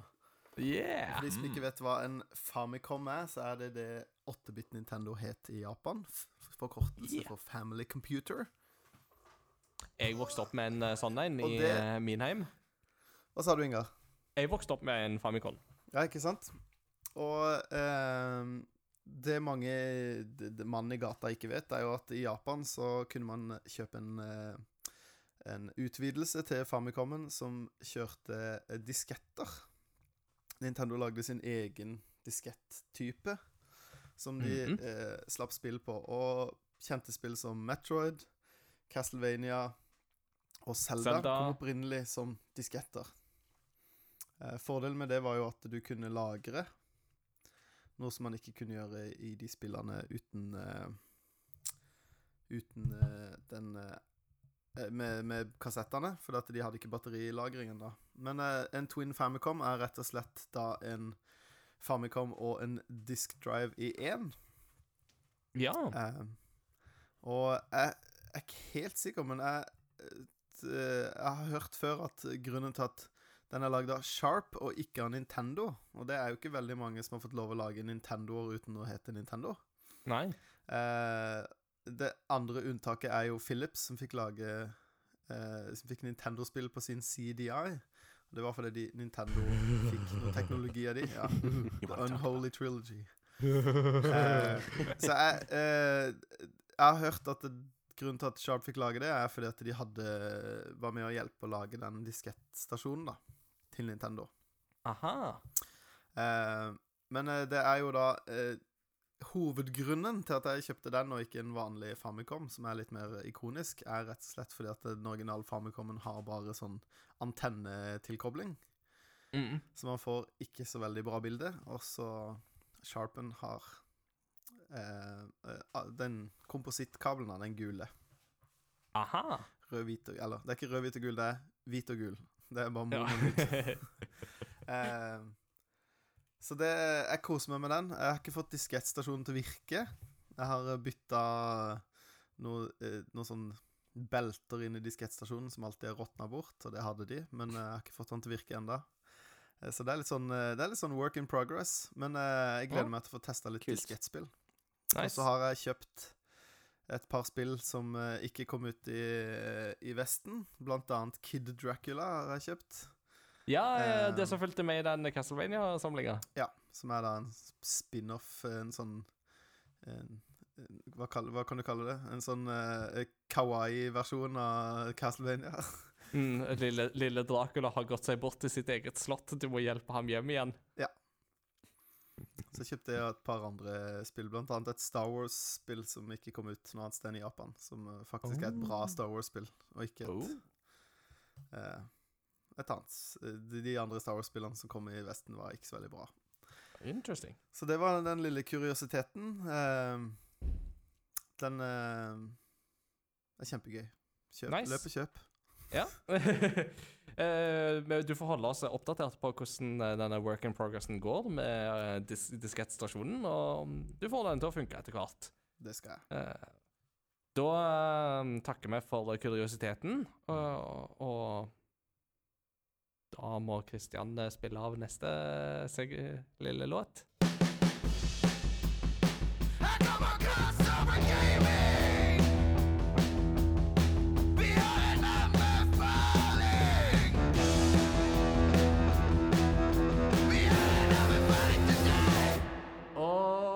Med det så er vi klare til å kicke inn en aldri så liten anbefaling. Nei, jeg mener anbefaling! jeg, jeg, jeg føler plutselig at jeg er liksom i en luguber liten pub i Nord-England på midten av 70-tallet. Jeg vet ikke om det var det som var målet ditt, Mats Mats Jakob. Uh, det var Jeg vet ikke, jeg hadde bare lyst til å lage punk. Ja. Det, er- det er en sånn jingle hvor du ser for deg at de knuser trommesettet på slutten. De river det i hvert fall ned. Det er det beste etablissementet. Mm. Uh, men uh, som en sånn anbefaling så tenkte vi at uh, gjesten skulle få lov å anbefale noe i dag. Så uh, what did you bring for the class for show and tell? Takk for det. Um, ja, det er jo litt kontroversielt å ikke anbefale spill, kanskje. Nei, det Gun på. Ja, ja, ja. Det er, jeg, kan, jeg må rett og slett anbefale min uh, favorittbokserie uh, of all time. time. Oh. Uh, som jeg vet uh, både Åsmund og. Ingar og Kristian uh, er innom. um, som jeg begynte på på Sorry. ungdomsskolen, men har fullført i seinere år. Um, jeg kan anbefale den både fordi at det kommer en Amazon eh, TV-serie um, om et år, kanskje, eller noe sånt, med bl.a. Rosamund Pike, casta, blant Mhm. flere spennende skuespillere. Uh, men det er Altså, hvis du liker Ringenes herre, Game of Thrones, uh, Witcher, altså fantasy-univers uh, Etter min mening, dette slår alle de, faktisk. Um, Men hva er navnet? The Wheel of Time. The Wheel of Time. Tidshjulet! Tidshjulet. Mm. Ja. Som jo faktisk finnes oversatt til norsk òg. eh, En del av bøkene i hvert fall vet jeg finnes oversatt til norsk. Jeg vet ikke Ja. hvordan det er med de aller siste, men jeg vet at bok ti har jeg sett på norsk. Ja. Og da regner jeg med at bok én til ni òg er på norsk. Også. Yes. Det er 14 bøker, men don't let it scare you. Altså, hvis du liker noe, så vil du jo ha mer av det, tenker jeg, da. Det, Altså, liker du snop, så vil du ha snop, på en måte. Eh, så det er bare Ja, det er fantastisk. Eh, han forfatteren eh, Robert Jordan sjøl eh, Første boken kom ut i 1990, eh, og han sa jo at han ville gi en litt mer personlig vinkel på denne mm, heltehistorien som i forhold til Ringenes herre Da får ikke du så mye innblikk i, i tankene og karakterutviklingen eh, eh, som du får her i Wheel of Time. da. Det er litt sånn mer psykologi inn i bildet, eh, menneskelig samspill, og selvfølgelig lengre utvikling på karakterene da, Mm. over, over 14 bøker. Um, det er bare en fantastisk verden. Veldig unik eh, magic-system. Og eh, ja, autentisk veldig bra skrevet. Eh, Robert Jordan døde jo etter bok 11, var det vel? Eller, ja, riktig. Eh, så ja, nå Brandon, Brandon Sanderson. Brandon Sanderson um, fullførte. Og uh, det er veldig gode audiobooks. uh, Mm. som òg anbefales. Det er minst like bra, og da kan du høre på bussen, i bilen osv. Så, videre. Eh, så begge deler anbefales sterkt. Hvis du hører de som lydbok på Amazon sin Audible-tjeneste, Mhm. er det Jeg tror det er det samme korte timinutters intervjuet, da. Men da er det et intervju med han um, Robert Jordan. Robert Jordan i slutten av hver bok, da. Ja. Og liksom snakke litt om akkurat det her som du sa, liksom Ja. hva tankene hans var rundt når han liksom starta boken. Mm. Så um, ja. Veldig Og lydbok så er det vel både en dame og en mann som leser ut ifra hvilken karakter du følger, og litt sånn. Er det Ja. Michael Kramer og ja, eh, Mannen leser de mannlige karakterene, og kvinnen leser de kvinnelige karakterene. Så alt for enhver smak. Mm. Kjempespennende. Mm.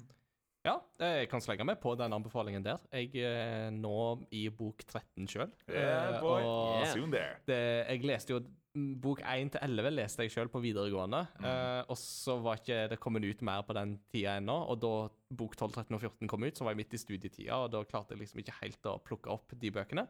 Eh, og så fant jeg da ut for et par år siden at jeg bare begynner å lese hele serien på nytt. Og Samme. så lese bok 12, 13 og 14 som en eller som en kontinuasjon der. Så det er der jeg er nå. Ja.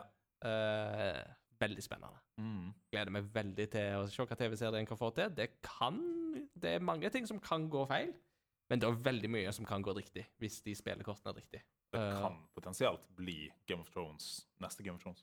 Det kan veldig fort bli en sånn et, et sted mellom Game of Thrones og Lord of the Rings, absolutt. Mm, Det, det blir veldig spennende å se hva, Mm. om de treffer bra. Og castinga så langt ser veldig lovende ut, syns jeg. Mm. Mm. Enig. OK. Cool. Tusen takk for um, anbefaling. Og siden du først er i gang, så skal du òg få lov å presentere um, kveldens siste liturgiske ledd, nemlig postludium. Der har vi jo for tradisjon at gjesten får lov å velge postludium. Og hva har du valgt for oss i dag? Du, i dag så har jeg valgt eh, en òg litt skjult perle, som eh, sist gang. Em, det er altså åpningssangen til spillet Final Fantasy Crystal Chronicles, eh, som kom ut på GameCube, da. Og det er da komponert av ikke Umu Umatsu. Ikke Nobu Uematsu? Nobu Uematsu. Men Kumi Tanioka.